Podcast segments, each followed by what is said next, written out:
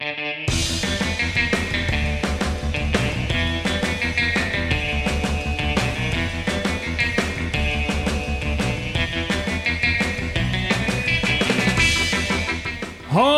daar! Welkom bij Studio Magic, de Nederlandstalige podcast over alles wat te maken heeft met Magic the Gathering. Mijn naam is Jeroen Koster Ik ben Arjela.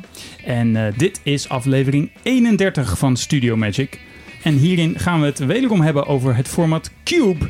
En eh, eigenlijk over een eh, speciale cube in het bijzonder, namelijk die van Thomas Kronen. En eh, Thomas Kronen die is hier vandaag ook in de studio aanwezig. Welkom Thomas. Dankjewel. Eh bijzondere gast die we niet zomaar hebben uitgenodigd. We hebben je namelijk uitgenodigd omdat jij een van de organizers bent van de Cube Invitational. Een heel bijzonder Cube toernooi wat je al tien jaar organiseert. En ik ken jou al een tijdje. En naar mijn weten ben jij een van de spelers met de oudste Cube in Nederland. Eh, dat kan heel goed. Eh, dat denk ik zelf ook vaak. De eerste Cube die ik ooit speelde, die was, was van Julien Nuiten. En toen had, Voormalig wereldkampioen. zeker. En toen had ik al het idee om er één te maken. En op dat moment was het, was het helemaal aan. En daarom, is het gekscherend zeg ik, ja, hij had de eerste Cube in Nederland. En ik de tweede. En ik heb daar helemaal geen be- bewijs voor verder. Maar omdat dat zo is gelopen, denk ik dat gewoon graag. Ja, In elk geval een heel oude cube. Hoe lang heb je hem al? Poeh, het was eh, ehm, zomer 2007. En dat weet ik omdat de eerste echte update, dat waren de commands van Lorwyn. En Lorwyn is, als ik me niet vergis, herfst 2007. ja, Ja. klopt. Dus eh, ja. En was Cube toen al echt een, een ding in de Magic-wereld? Of- Ik heb het leren kennen via Evan Irwin, die toen eh, de Magic Show op YouTube maakte. En die had een. eh, een, een eh, toen heette het volgens mij nog wel de Magic Show. Want hij is ook een beetje iets gaan, iets gaan, ver- iets gaan veranderen. En daar deed hij uitleg over. En het was ook een periode waarin ik net. ehm, standaard aan het uitrollen was. En toen zei ik, ik moet iets met al die kaarten. En toen kwam het idee langs en toen was het zo van, maar dit is het. Maar dat was niet echt eh, een outline. Het was meer zo van, je hebt 360 kaarten en die verdeel je over eh, acht categorieën. Vijf kleuren, multicolor artifacts en, en, en land. Ik kan me niet herinneren dat er een instructie van, van Curve bij zat. Meer zoiets generieks als blauw heeft meer spells en eh, groen heeft meer creatures. Vrij basic Ja. idee nog. Ja. Ja, en dat, ik ben toen gewoon kaarten bij, bij elkaar gaan rapen. En omdat je natuurlijk, toen, toen drafte ik wel. Dus ik had al een beetje een idee van, oh, je moet een beetje een soort curve kunnen draften. In het begin was, waren het gewoon kaarten die ik rond had liggen. Zo van, nou, oh, nou dat doen we dan maar samen. Dus Ja. je hebt toen niet een lijst eh, gekopieerd of iets dergelijks. Nee. Gewoon alleen, eigenlijk gewoon alleen naar het idee gekeken. Ja. Hey, maar misschien nog even, eh, om nog even een stapje terug te doen. Want zometeen gaan we het nog uitgebreider hebben Mhm. natuurlijk over jouw cube. En over het format cube en hoe jij dat aanpakt. Maar ehm, ja, waar kom je eigenlijk vandaan? Hoe lang speel je al Magic? Poeh, ja, ik speel eh, Magic sinds Revised Dark. Toen, toen was ik 16. Leren kennen op de middelbare school in, eh, 94? in, in Amsterdam. Dat is volgens mij vier, eh, 94 al. Oké. Ik weet nog dat ik het eh, leerde in de aula op, eh, op school. En toen meteen naar Vendel Comics op de, op de Rozengracht. Om daar een, eh, een, een revised starter op te, op te halen. En toen hadden ze nog eh, Dark staan. Maar dat had ik, nou, ik had natuurlijk, weet ik veel, eh, die, eh, die, die, die 20 gulden amper bij elkaar geschraapt. En eh, toen ik eh, drie dagen later terugging, omdat het echt heel vet was, toen waren daar Fallen Empires. Dus dat was een beetje jammer. Dus ik zeg altijd gestart tijdens Revised Dark, omdat dat toen in de winkel lag. Maar ik heb nooit zelf daadwerkelijk een Dark Booster aangeschaft. Oeh. Had je, Bijna dus. had je dan ook het idee, want je zegt jammer, uh, Fallen Empire staat inmiddels niet zo bekend als een hele goede set, maar dacht je op dat moment ook? Nee, Van jammer? Nee, Nee, nee, toch? dat is meer de anekdote achteraf. Ja, zo van, precies. oh, gefeliciteerd, je bent begonnen tijdens Fallen Empires. Ehm, nee, maar toen was er van, oh, een nieuwe set. En eh, ik vond, ik vond Talit echt fantastisch. Dat is mijn eerste dekje ooit geweest, en, een eh, Talent deck. En, eh, en eh, him, him, him was ik heel snel achter. Lekker, eh, lekker Dark Ritualen en, eh Kaarten en, laten eh, discarden. Hypnotic Specters. Rex, gewoon meteen eh voelen, gewoon lekker eh, de tegenstander pijn doen. Dat eh deed hem wel. Ehm, ik heb toen ik, de hele middelbare school doorgespeeld. En toen uiteindelijk ik, ik studeerde en Alliances in de winkel lag. Toen had ik er geen tijd voor en geen zin meer in. Oh, En- dat is wel een verkeerd moment om uit te stappen. Ja, Dat is eh, de set met Force of Will. ja, maar toen Ja, was... eh, Voor zoveel je dacht wegwijzen. Nee, we deden ook helemaal niet aan standaard verder Nee. of zo. Het was gewoon, je raapt wat bij elkaar. Speelde je met sleeves? Ehm, Ik weet wel dat ik, dat in Amerika had sleeves meegenomen, maar het waren een beetje van die iets te grote Ultra Pro dingen. Dus had ik echt zo'n grote, zo'n enorme stapel en zat een beetje in, eh in honkbalachtige sleeves. Dus ook, ook, ook heel snel weer uitgehaald, omdat het voor geen meter ging. Ehm, ik ben volgens mij toen uit geweest, om daarop terug te komen, ehm, tot, eh, tot en met Scourge. Want toen ging mijn eh nu vrouw, toen vriendin, die ging toen in het buitenland stage lopen. En toen was ik thuis een kast aan het, uit, aan het uitmesten. Toen waren daar, oh shit, de magic kaarten. Want er wordt nooit één ding weggedaan.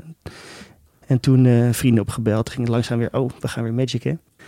Ehm dat heb ik toen zo'n beetje volgehouden tot, poeh.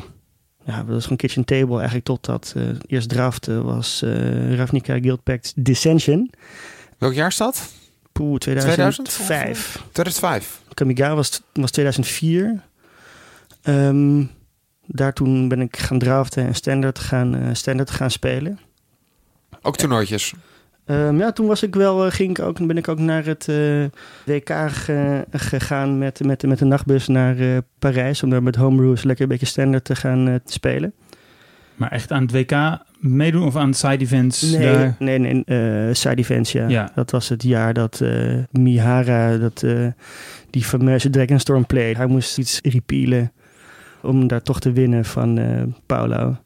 Maar ja, ik zal niet, ik zal, ik zal niet uitweiden. Ik zie Arjen ook een beetje glazig kijken. Eh, Ik speel meestal, motor niet. Op dat moment niet, denk ik. dat, nee. zijn, dat, zijn, meestal gaat er een lampje branden bij dat, Arjen. is een maar hele, ja. dat is een hele, hele be, Nee, ik speel er bekende niet, play. ik speel er niet tijdens Ravnica, de eerste.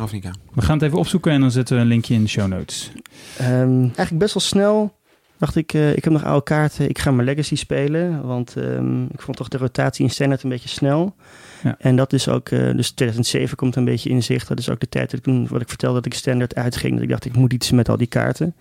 Toen heb ik eh, de eerste cube gemaakt. En toen, ehm, even kijken. Volgens mij ga ik nu gewoon ook even iets, iets, iets overslaan, want anders een beetje lang wordt. En ik ben volgens mij in 2012 daarna echt gestopt met Constructed spelen. Vooral eh, lekker veel maandagavond draften. En toen 2016 ben ik eigenlijk uitsluitend cube. Omdat ik, wou gewoon meer cuben. En ik had één avond in de week. En toen dacht ik, nou ja, op een gegeven moment al die draftsets toch een beetje op elkaar lijken. En dan lekker, dan lekker maar cuben. En ik ben ehm, laatst toch weer Legacy ingerold. Dus je weet, dus je weet nooit hoe het gaat. Ja. En dat is eigenlijk een beetje de hele Magic eh, tijdlijn. En was er een speciale aanleiding voor dat je eh, minder wilde gaan magic of er minder tijd voor had? Bedoel, je Nou, gezinssituatie of werk? nou, of, ik eh, van één keer in de week, dat vind ik eigenlijk wel veel.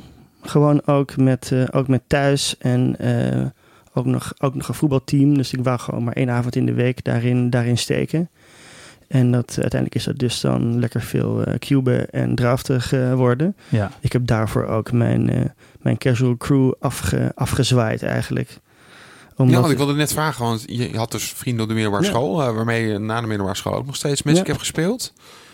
En die ben je weer gaandeweg ben je die, eh, ben je die verloren, althans als Ja, nee, ik heb op een gegeven moment, eh, spelers. ik heb hem wel dus ook zeg, waar in het begin ook wel, ook wel cuben, maar ik merkte dat ik onze multiplayer games gewoon eigenlijk helemaal niks aanvond.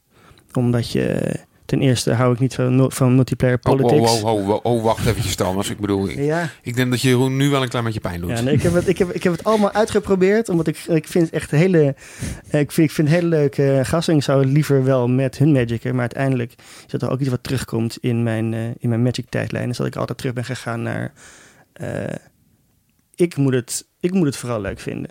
Ja, En als, het, als dat neerkomt bij, bij drie anderen aan tafel zitten, die altijd, waarbij de een altijd dit deck speelt. En eh ik heb zoiets van ja. ehm, de, de, de een die kijkt het aan en die raft de board dan leeg. En de ander die wil alleen maar zijn combo spelen. Het was nog helemaal pre-commander. We, we, we jamden gewoon 60 kaarten onzin tegen elkaar.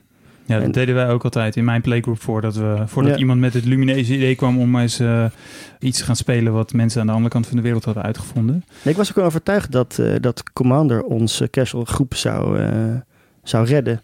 Ah, ja. ja. Ja, ja, want ik, ik, we hebben dat ook echt samen aangedragen. Zo van, als we dat dan niet willen, dan willen we dat wel.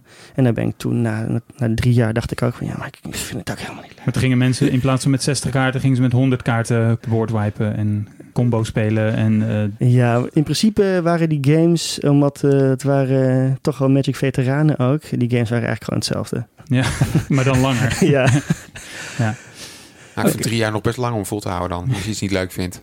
Ja, maar dat, nee, dat, dat komt gaandeweg. In het Ja. begin heb je ook iets van, oh, het is een nieuw formaat. En even lekker aanklooien. En op een gegeven moment is iets van, oh, wacht eens even. Maar je hebt ze nooit zover gekregen om ook te gaan cuben? Nou, ze hebben ook heel veel meegedaan. Oh, Oké. Dus Ja.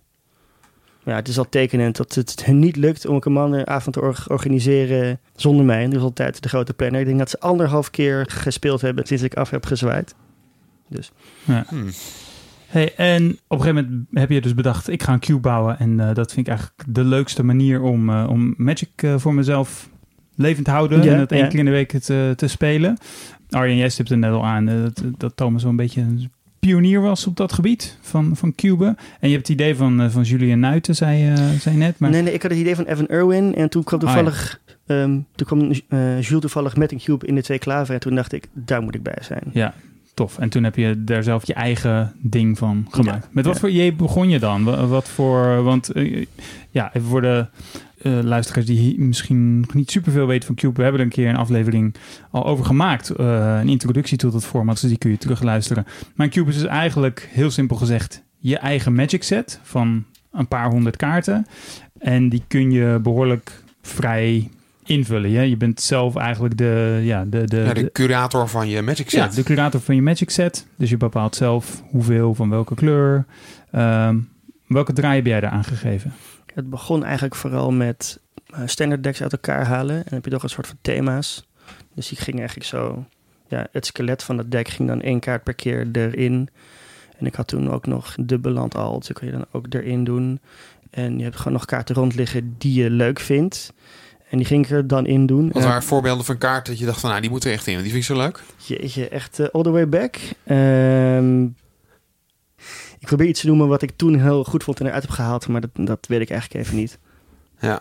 dat allemaal bijhouden, dat was wel. ehm, dat was wel ik was wel blij toen eh, er ineens tools kwamen. Dat je, dat je dat gewoon echt even in een leuke, op, op een leuke webpage kon doen. Waarbij je kon filteren en sorteren. ja, dat- want de website waar ik het nu over heb, dat is eh CubeTutor. Ja. Ah, ja. Eh, voor mensen die dat niet weten, dat is eigenlijk een site waarop je eh, heel makkelijk je cube kan bijhouden en kan onderhouden. En ook kan proefdraften. Mhm. Je kunt hem ook proefdraften, andere Ja. mensen kunnen hem draften. Dus Ja. het is sowieso leuk, want ook als mensen je cube niet kennen, dan kunnen ze er toch een beetje eh, op die manier kennis mee leren maken. En natuurlijk zetten we ook een link naar Thomas Cube in de show notes. Dat gaan we zeker doen. Eén klein, moet ik toch even bij zeggen, dat het ietsje minder goed gaat met CubeTutor de laatste tijd. Ontwikkeling staat een klein beetje stil. Klein beetje, al, al best wel lang. Maar om- als er maar één platform is en er gebeurt niks, dan zit toch iedereen daar. En er is nu, eh, Er zijn wel wat ontwikkelingen dat we andere sites krijgen inmiddels ook. En er is nu eh, Cube Cobra. En eh, die gaat nu voor het eerst, eh, die bestaat al wel een halfjaartje denk ik, maar die gaat nu voor het eerst echt naar de volle functionaliteit die die Cube Tutor ook biedt. Dus ik denk eigenlijk dat het niet te lang duurt meer voordat ieder, echt iedereen overgaat. Ja. ja. De reden dat je hier zit is eigenlijk niet eens omdat je degene bent die het langst een cube heeft in Nederland. Of het ene langst, zoals we net dachten. Ja, Maar omdat jij het grootste cube toernooi van Nederland organiseert. dat is wel waar. Dat is eigenlijk is dat veel belangrijker. Goed punt. De zogenaamde Cube Invitational. Eh, en daar gaan we het zo meteen ook uitgebreid nog eh, over hebben. Hoe, je, hoe dat zo gekomen is. Maar ik wil eerst nog wat meer weten over jouw Cube, eh, Thomas. En misschien kunnen we gewoon beginnen met even een paar snelle ja-nee vragen. Leuk. Je mag alleen ja of nee zeggen. En eh, zo meteen kun je dan misschien nog erover uitweiden. Als je denkt, ik snap de vraag helemaal niet. Of zo. Eh, Arjan, ben jij het spits af? Ja, oké. eh, de eerste vraag eh, over cube. Ja of nee? Antwoord graag. Ja. Eh, power. Ja. Proxies. Ja. Twee kaart combo's. Ja. Singleton. Heilig. Ja. Archetypen. Nou, niet nee, dus toch ja.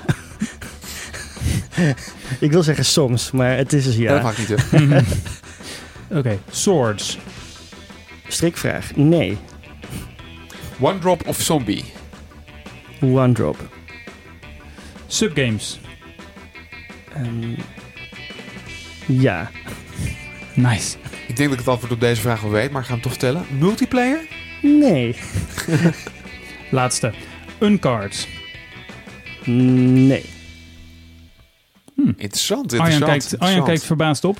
Want het was ja. Maar ik Ja, ben precies, Niet, daar maar- ben ik een beetje maar ik, ik verbaasd. ben nu Ja. terug bij nee. Ja, leuk, leuk, leuk. Oké. Nou, Misschien kunnen we nog even voor een korte toelichting het even doorlopen. Uh, je, hebt, je hebt Power in je cube, daar ben je een voorstander van. Je hebt ook de Power 9, zeg maar. De, de... Niet, niet meer, want ik ben, omdat ik bij Proxy ook ja zei. Ja, ja. Ik ben, denk drie jaar geleden ben ik alle, ben ik alle money gaan, ver, gaan verkopen.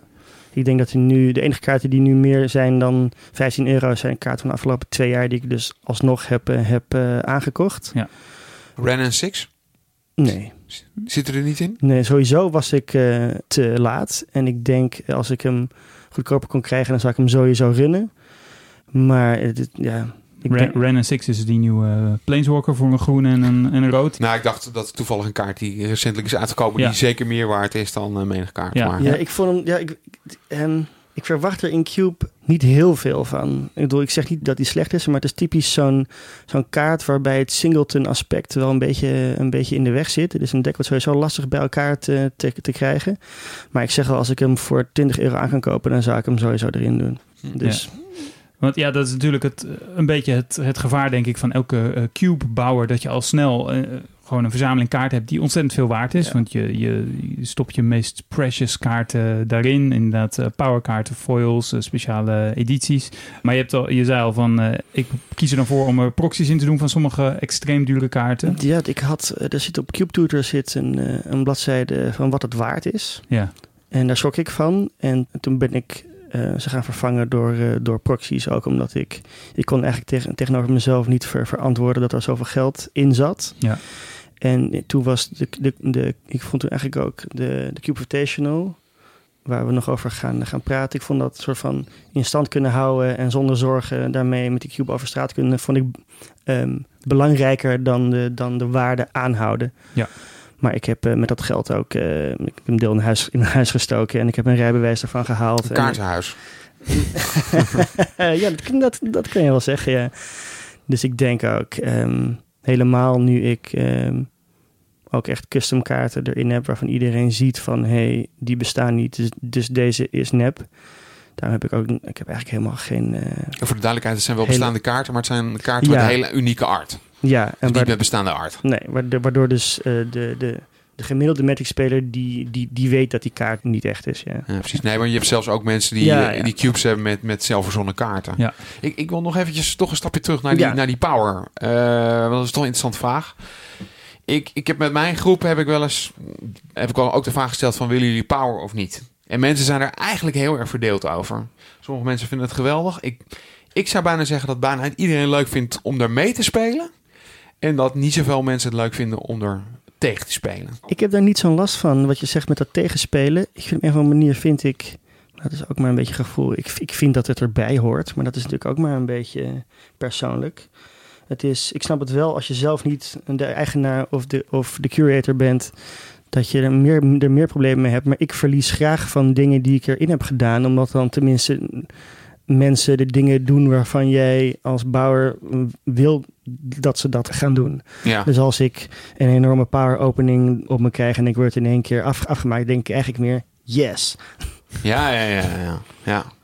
Ja, ik moet wel zeggen, wat ik dan wel ik neig dus naar geen power. Hoewel het niet, het is, het is zeker niet van 100% nee of 100% ja. Ik moet wel zeggen dat het wel heel leuk is om van power te winnen. Als het dan wel lukt. dat kan ik me voorstellen. Soms dan heb je wel weer, het levert wel mooi verhalen op. Ik denk dat het eigenlijk misschien wel een beetje het grootste uh, punt ervoor is. Ja. ja, en de Power 9 is natuurlijk, ja, het zijn maar negen kaarten. Ik weet niet of ze alle negen uh, erin hebben zitten. Maar ja, acht. acht heb je erin zitten. Maar het is natuurlijk niet zo als in de, uh, nou ja, vroeger dat je bijvoorbeeld uh, vier uh, Black Lotus of meer in, je, in je deck hebt. Dus sowieso zit het natuurlijk redelijk verdund over alle mm -hmm. decks die, die uh, gedraft worden. En dan komen we bij de volgende ehm, ja, vraag die we stelden. Singleton, dat was zoals ik zeg maar Cube als concept heb geleerd, was inderdaad dat een Cube eigenlijk altijd Singleton is. Dus elke kaart zit er maar één keer in. En dat is voor jou ook, blijft voor jou een regel. Ja. Hm. Maar Waarom? Dat, ja, Volgens mij gaat dat gewoon helemaal terug naar 2007. Zo van, dat is zo neergelegd. En dan denk ik, nou, dat is dus hoe het werkt. Ik ja. begrijp natuurlijk dat je verwijst naar dat, uh, naar dat Arjan wel uh, duplicates rint van, van uh, sommige kaarten. En ik sta, ik sta daar creatief wel, wel helemaal achter. Omdat het een soort archetype wel um, laat, laat functioneren. Ehm, maar volgens mij is dat ook de kracht van Cube als instituut. Dat iedereen daar gewoon zijn eigen ding mee kan doen. Dat Ja. is ook waarom ik bij Power niet verder kwam dan... Ja, eh, ik vind dat het hoort. Want eh, ja, ik snap, ook, ik snap ook heel goed als, als mensen blowout games helemaal niet leuk vinden. En zo kan, snap ik dus ook heel erg. Ehm, ik vind bijvoorbeeld jou, ik kijk naar Arjan aan. Het, eh, ik vind de Squadron Hawk zo van je draaft er één en je krijgt er drie. Dat vind ik wel een soort Vier. van... Oh, vier al? Als je er vier wil, Ah ja. je krijgt er vier, maximaal. Ja. Nee, ik vind dat dus eh, creatief een level leuker dan, dan meer eh, eh, gravecrawlers rennen. ja. Want het is niet te doen om die Squadron bij elkaar te gaan draften of zo. Ehm, behalve dat je natuurlijk wel, nou ja, denk aan een deck van Geert waarin hij alle gravecrawlers had. Ehm, ja, ja ik, ik, het, is, ehm, het, is, het, het is een beetje een dooddoener, maar dat is denk ik ook eh, de kracht van Cube. Nou ja, en, maar het is ook een beetje de kracht van traditie, hè? Want eh, eh, waar je misschien mee kan breken, want een van de andere vragen die, eh, die gesteld, werd, gesteld werd was eh soort, ja Mhm. of nee? En voor de duidelijkheid, met soort doel ik eigenlijk op de zwaarden met twee kleuren. Mhm. Inmiddels sinds Mhm. Modern Horizons zijn er Mhm. nog een paar bijgekomen. Maar dat zijn eigenlijk heel lang mainstays in eh menig cube geweest. Mhm. Bijna ondenkbaar dat ze eruit gaan. En toevallig zijn er eigenlijk de laatste tijd een beetje in de Cube community zijn er wat eh, rimpelingen ontstaan. En eh, eh, worden ze langzaam uitgehaald. Nou, als je mijn allerlaatste update bekijkt, dan zijn er vier van de vijf zwaarden uit. Daarom, en daarom open ik het antwoord ook met strikvraag. Ja, ja, ja. Dan hebben we het dus over Sword of Light and Shadow, Sword of Feast and Famine, dat soort, Soort dat of soort fire and ice. ja. Ja. ja. Maar eigenlijk belangrijker dan dat nog is van iets is zo lang zo geweest Mhm. dat het ook best wel lastig is om dat dan te veranderen. Mhm. Althans, ik heb dat zelf eigenlijk ook wel. Ja. Ja, One Drop of Zombie, omdat jij da- daarmee verwijst Arjan natuurlijk naar eh, dat jij nog meer cubes hebt dan alleen jouw eh, Ja. zeg maar grote main cube. Je hebt een, een cube die alleen maar uit one drops bestaat, oftewel dingen met een eh converter mana kost van 1. Ja, En je hebt een zombie cube met, eh, ik denk, eh, best wel veel zombies. ja die, die is ongeveer 40% wit, 40% zwart en dan nog wat andere kleurtjes erbij. Maar het is eigenlijk, eh, want we noemen het de Zombie Cube. Of jij eigenlijk- noemt het de Zombie Cube, maar het is eigenlijk de Human versus Zombies Cube, Ja. toch? Ja. Ah, oké. Liever te, te draften als team ook, maar een compleet eh flavorfeest en moeilijk te balancen. Dus die was dus niet zo ehm, geliefd. Ja. Omdat voornamelijk de, de, de zombies toch altijd wel met de overwinning ervan doorgingen. Ik vond vooral die zombies veel cooler. Ja, Maar jij zegt net van eh, die meerdere gravecrawlers in mijn cube. Dus wat dat betreft ben ik dan wel een beetje schuldig aan. Hey, en eh, subgames. Heb je Charizard in je deck? N- eh, nee. Nee? Nee, maar daarom deed ik er ook zo lang over. Ehm, omdat ik dus helemaal eh, mentaal was bij subgames. Subgames, is dat dan, zeg maar, gaat dat dan, mag ik dan zeggen, ja, maar niet, maar niet Sherazade? Of, ehm, maar ik, ik ben uiteindelijk er, er, maar, er maar van uitgegaan dat jullie bedoelden ehm, kaarten die een soort van binnen de game subgames creëren. Zo van dat de hele game om die ene kaart draait. Want dat vind ik wel heel erg leuk. Oh, zo. Eh, je bedoelt... Vind ik wel heel intelligent bedacht ook. ja, nee, dat weet ik echt. Ik, uh, waar ik, ik ik vind dat je dat bedacht hebt. Want ik had eigenlijk... Ik, ik, ik zeg Jeroen het opschrijven. En ik denk, wat bedoel je hier mee? je Dus schreef hij Charizard erachter. dacht ik, oh, Ah. oké, oké. Nee, wat ik bedoelde was inderdaad een kaart zoals Charizard. Dat is die sorcery voor, eh, voor eh, twee wit. Waarbij je eigenlijk ja, eventjes je kaarten in je... eh, wat is het? Die in play liggen. En in je graveyard die laat je even voor wat ze zijn. Mhm. Eventjes, eventjes. En je Ja. pakt je library en daarmee ga je een subgame spelen. En als die subgame is afgelopen, dan verliest volgens mij de, de, de verliezer van die subgame, die verliest zijn halve leven. Mhm. En dan ga je gewoon weer verder met de kaarten die nog op de battlefield lagen. Dat soort subgames bedoelde ik. je Ehm, hebt die en je hebt eh, Enter the Dungeon, dacht ik. Dat is een inzet. Dan moet je onder de tafel een subgame Ja, oh ja, be- ja, be- ja. beginnen. Ja. Ja, we hadden het net al eventjes over die, eh over die unkaart. Mhm. Eh, ik was inderdaad een beetje verrast door je antwoord. Want ik wist niet beter of jij had in ieder geval tenminste één unkaart ik in heb jouw een cube. heel lang booster toeter er, eh, er ingehaald. B- Ja. Bijvoorbeeld, ehm, voor de duidelijkheid, de unkaarts, dat zijn de sets uit Unhinged, Unstable En Unglued. en Unglued. Mhm. Dat zijn oftewel kaarten met een silver border. Eigenlijk kaarten die, ja, niet echte magic kaarten, maar zijn grappig bedoeld. Dat is een soort parodie Ja. op Magic. Wel door, eh door Wizards of the Coast zelf gemaakt. Maar het is vol met tongue-in-cheek, eh, in-crowd, in-jokes. En wat heeft jou eh, doen eh, veranderen van gedachten? Ja, ehm, Want ik heb, ik heb toen Unstable uitkwam, heb ik weer opnieuw heb ik er weer een paar geprobeerd. Ja, ik was gek genoeg het. ehm, ik was, ik was het. eh, een combinatie van het gedoe eromheen, een beetje operationeel. Ehm, omdat ik dan de packs aan moest leveren, zeg maar. Oh, je bedoelt specifiek een booster tutor. Ja, sorry, dat was Het de misschien even aardig om te vertellen wat de booster tutor sorry, doet. ja, omdat hij al. eh, wat Booster Tutor doet, de, de game tech is dat je een, eh, een, een Magic Booster opent en daar één kaart uitkiest en die in je hand doet. En die mag je, moet je aan het eind van de game dan weer uit je deck halen. En voor Cube is die natuurlijk herschreven als het ware naar pak een Cube Booster uit de resterende kaarten, mocht je die hebben. Ja, dus je speelt gewoon, je, speelt, je bent gewoon leuk. Je bent gewoon leuk een Magic eh, spel aan het spelen. Een game Magic. Op een gegeven moment speel je Booster Tutor. En dan op dat moment mag je een nieuwe booster erbij pakken. En daaruit mag je een kaart kiezen die je mag spelen. Ja, een ander argument is dat ik, ik heb ook games gezien waarbij ik, het gaat heel gek klinken voor iemand die power toelaat en, en ook gewoon liever het een beetje bomtastisch houdt. Maar zeg maar, dan werd er ineens een kaart geïntroduceerd die niet in de draft zat. En dat was voor mij dat ik dacht van, volgens mij wil ik dat helemaal niet. Dat was de omslag. Dat was Maar eigenlijk... dat heeft best wel lang geduurd. Ja, Want hoe lang heb je Booster Tutor erin gehad? weet ik veel, 50 jaar en die Cube bestaat pas 13 jaar. Dus dat, Ja, sorry, dat is ja, dus dat is wel lastig dan. Ja. Ja, maar Hmm. grappig. Maar ik had het met meer, want ik, had, ik heb eh conspiracies ook helemaal uitgeprobeerd. Toen er na twee jaar achter te komen dat ik, eigenlijk, dat ik het helemaal geen magic vond. En sommige dingen echt veel te goed. Dus toen heb ik ze weer eruit gehaald. Ja. Want ik ben wel altijd een groot voorstander van eh, wat is, hoe ga je dat testen? Als je iets interessant vindt, dan doe je het erin. En op een gegeven moment als je het dan niet leuk vindt of het werkt niet, dan haal je het er weer uit. ja, gewoon lekker uitproberen. Ja. En in alle eerlijkheid, sommige mensen vonden die een conspiracy kaarten wel heel erg leuk. Ze zijn ook leuk. Maar niet altijd misschien. Nou ja, vooral sommige zijn zo lastig te... Ik denk dat kaarten als World Knit, waarbij je als je geen sideboard hebt, dan tappen al je landjes voor Rainbow. Die, die kaart die beïnvloedt gewoon de hele draft. Ik weet niet of iedereen het, eh, elke luisteraar dat begrijpt. Maar eh, met Rainbow bedoel je dat hij gewoon elke ja, kleur geeft. Ja, sorry. Ja. En ehm, ja, ik kan er wel een opstel over, over, over, over schrijven. Dat je eerst denkt dat het, ja, nou ja, dat is toch niet zo interessant. Nou, dan heeft iemand een agro-deck met perfecte mana. Nou, gefeliciteerd. Maar als je dan beseft dat die drafter tijdens de draft iedereen zijn landjes pakt, zodat zijn deck zo klein mogelijk blijft, en ook nog iedereen zijn beste kaart, en is hij dus tijdens de draft al bezig om de andere zeven decks zo slecht mogelijk te maken. Gewoon actief.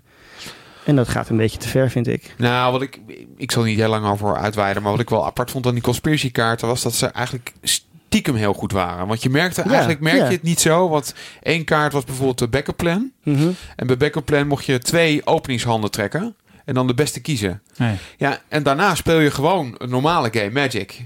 Dus in die zin lijkt er niet zoveel aan de hand. Maar als je wat meerdere eh, potjes ziet met die, met, die, met die kaart... Ja, dan merk je gewoon dat het... eh, ja, het is bijna cheaten eigenlijk. Ja. Ja, het lijkt me lastig te bepalen waar je dan op een gegeven moment de grens trekt. Ik heb één eh unkaart in, nog in mijn cube zitten. Is dat who, what, where, when? Nee, Why? nee, nee, die vond ik veel te, veel, te veel gedoe. Eh, ehm, ik ben even de naam kwijt niet. van de kaart. Het is Oh ja, eh, die- een stormkaart, een blauwe stormkaart. Oh. Stormcrow. Nee, Crowstorm. Crowstorm. Crowstorm. Ja. Ik heb Crowstorm heb ik in mijn cube zitten. Ja, dat snap Prima kaartje. Ja. Prima kaartje. Als ik Storm zou runnen, zou, dan zou ik die ook runnen. Ja, nee, leuke kaart. Leuke kaart. Als je nou een nieuwe kaart toevoegt en er dan ook waarschijnlijk eentje uithaalt, Mhm, hoe, eh, hoe, hoe gaat dat besluitvormingsproces? Het begint altijd met, ehm, met, de, met de nieuwe kaart. Dus Ehm, iemand komt ermee aanzetten of, Nou, of er eh, komt gewoon een spoiler Nee, uit van een vroeger, set? vroeger, vroeger ging ik zelf eh, alle spoilers door. En het heeft ook heel lang geduurd voordat ik überhaupt terug ging kijken naar oude kaart. Ik was een heel lang alleen maar van met, met, de, met een nieuwe set bezig.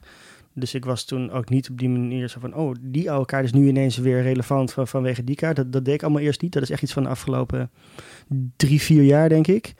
Ehm, en het begint dus met in de nieuwe set eh, kaarten identificeren... waarvan ik denk dat ze eh, goed of leuk zijn. En dan ga ik ehm, op zoek naar eh, de kaarten die ik eruit haal. Die zitten eigenlijk altijd op dezelfde plek in de curve. Of die hebben dezelfde rol. En als ik daar niet uitkom, dan kijk ik in dezelfde kleur naar eh, gewoon kaarten die nooit iemand speelt. En dan is dat, is dat gewoon jammer. Dus er zijn Ja. soms wel kleine shifts in Mana Cosmic. Ik heb bijvoorbeeld wel ook hele exercities gehad waarbij ik actief de hele curve ging, ver- ging verlagen. Want je hebt ook tools, eh, ook op Cube Tutor, dat je ziet wat je Cube gemiddeld kost. En dan denk je, nou, dat mag wel wat, dat mag wel allemaal iets goedkoper. En dan Ja. ging je ja, dan ga je gewoon eh, een beetje snijden. Ja, maar je houdt dus ook een beetje bij een Excel-bestand of zo welke, welke kaarten eigenlijk altijd als laatste gedraft worden of iets dergelijks? Of Nee, niet? nee, dat is meer, het is meer andersom kaarten die ik nooit zie. Dat, dat, dat weet Ja. ik eigenlijk wel. Ja, ja. Ja, je, Ja, ziet, je doet- je ziet het gewoon ook tijdens de drafts. Ja. Je, je, Ja. als, je, als je de cube-curator bent, dan let je er heel erg op. Ook omdat je dan denkt van, oh, je- soms denk je, denk je wel, oh jammer dat deze Ja. deze Ja. kaart pakt. Het interessant daarin is eigenlijk niet zozeer de hele sideboards, maar de echte data zit hem denk ik in de on-color kaarten die niet gespeeld worden. Ja. Dat, dat, is- dat, als, je, als je echt lekker, lekker diep wil gaan, dan moet je dat gewoon iedere keer bij, Ja. bijhouden. Ja.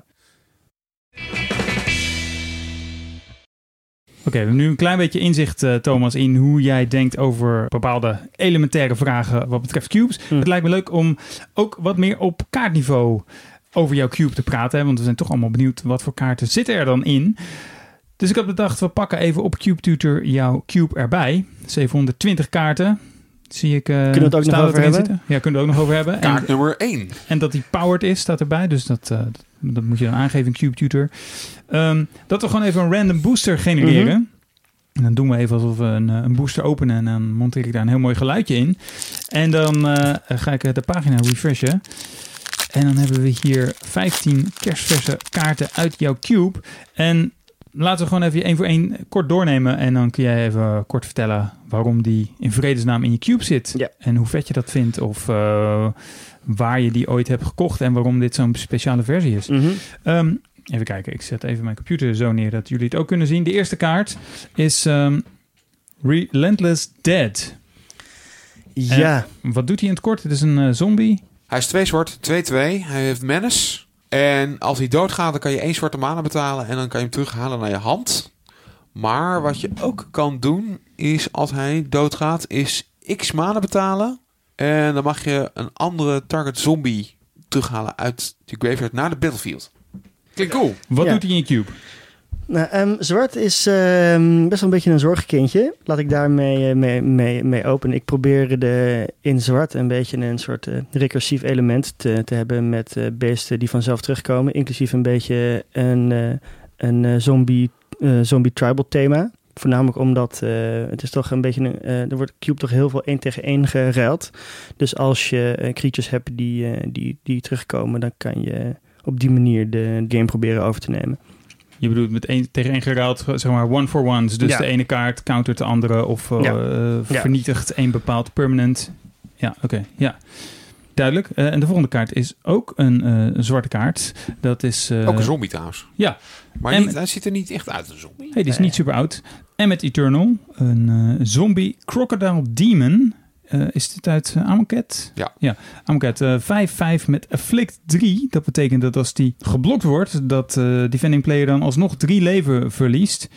En eh, als een opponent een spel speelt, dan mag je een min 1 counter op... Of dan moet je een min 1 counter op Emmet Eternal leggen. Dus hij kan dan snel eh, kleiner worden. Maar als Emmet Eternal combat damage doet aan een speler... dan mag je alle min 1 counters er weer vanaf halen.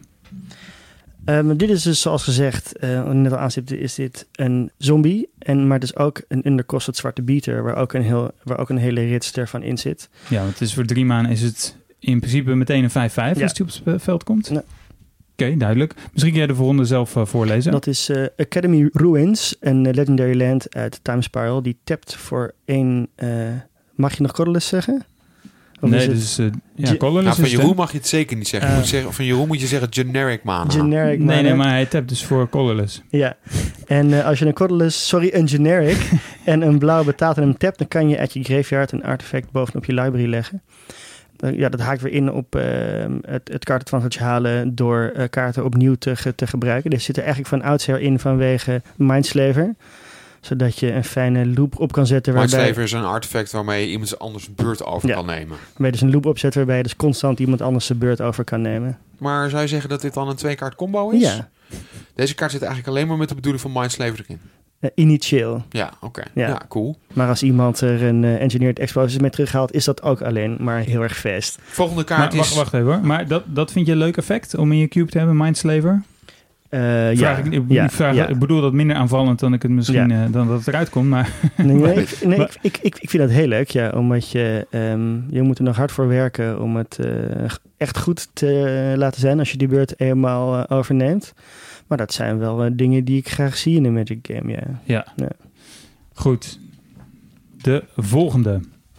Dat is Entreat the Angels. Zo, er staat veel tekst op. Ja, dat is eh, de beta-versie. Die, die bestaat namelijk helemaal niet. Dat is een van mijn favoriete eh custom kaarten. Oh ja. Hij kost eh, XX3 wit en dan maak je X Angels, maar je kan hem ook miraclen. Wat betekent als het de eerste kaart is die je trekt in een beurt, dan mag je hem spelen voor zijn miracle kost. In dit geval X wit-wit. En dan mag je ook X Angels maken. Dus waar, de, eh, waar, waar je retail, even, even snel rekenen, 7 mana betaalt voor, voor twee angels, heb je eh, voor 7 mana 5 angels in de miracle versie. Ja, waarom ik voor retail zo moet rekenen is omdat ik hem bij voorkeur eigenlijk alleen miracle met mystical tutor. Of met Jason Mind Sculptor. Dat Ja. kan ook. Dus die zit eigenlijk ook in met de bedoeling om te comboen met andere Ja, kaarten. ja. Ja. En ja, je stipt al aan dat deze dus heel bijzondere art heeft. En dat is dan wel weer tof aan eh Cube Tutor. Als je een bepaalde soort account hebt, dan kun je dus ook de gealterde versies en de specifieke versies die je zelf in je cube Mhm. hebt, die kun je daarin uploaden. Want dit is ja, een soort alter eigenlijk, toch? Nee, het is, ehm, ik heb hem laten, laten, laten drukken bij een spellenfabrikant. Hij is niet eens gealterd. Het is gewoon, Ah, een, het is gewoon een kaart waar eh, iets Magicus op staat. Maar Ja. het is eh, dus, geen, dus geen echte Magic kaart. Nou, nogmaals, eh, als je de link volgt in de show notes, dan kun je al deze speciale art versies van de kaart in Thomas Cube dus eh, zelf bekijken. Ondertussen gaan wij door naar de vijfde kaart, Vettergeist. 3-4 flying voor de 3 mana, waarvan één blauw. En aan het begin van je upkeep moet je eh, de Vettergeist eh sacrificen, tenzij je één mana betaalt voor elk ander creature dat je controleert. Ander creature, ja. Ja. Willen de meesten nog wel eens missen. Ehm, dit is ehm, een kaart die in heel weinig cubes zit, maar hij is er ehm, hij is specifiek erin gedaan zodat eh, de blauwe control decks die bijna nooit eh, andere creatures, eh, sorry, die, die weinig creatures spelen, dat die toch een vroege creature hebben om eventuele ehm agro starten van hun tegenstander tegen te houden. Ik heb denk ik ook, eh, ik, ik heb mezelf meerdere malen gekast en ik denk dat ik in totaal één mana upkeep heb eh, betaald voor deze kaart. Hm, ja. Hmm, grappig. Ja, dus je legt als je geen andere creatures hebt, dan hoef je hem ook niet op te offeren. Nee, Dan betaal je 0 mana. Ja. Eh, ja. Alright. Nou, de volgende die... eh, even kijken. Die komt mij iets bekender voor. Dat is Green Sun's Zenith. Een sorcery voor een groen en X in de casting kost. Je mag je library doorzoeken voor een groene creature card met converter mana kost van X of minder. Eh, die eh, leg je meteen op de battlefield en daarna moet je je library shuffelen.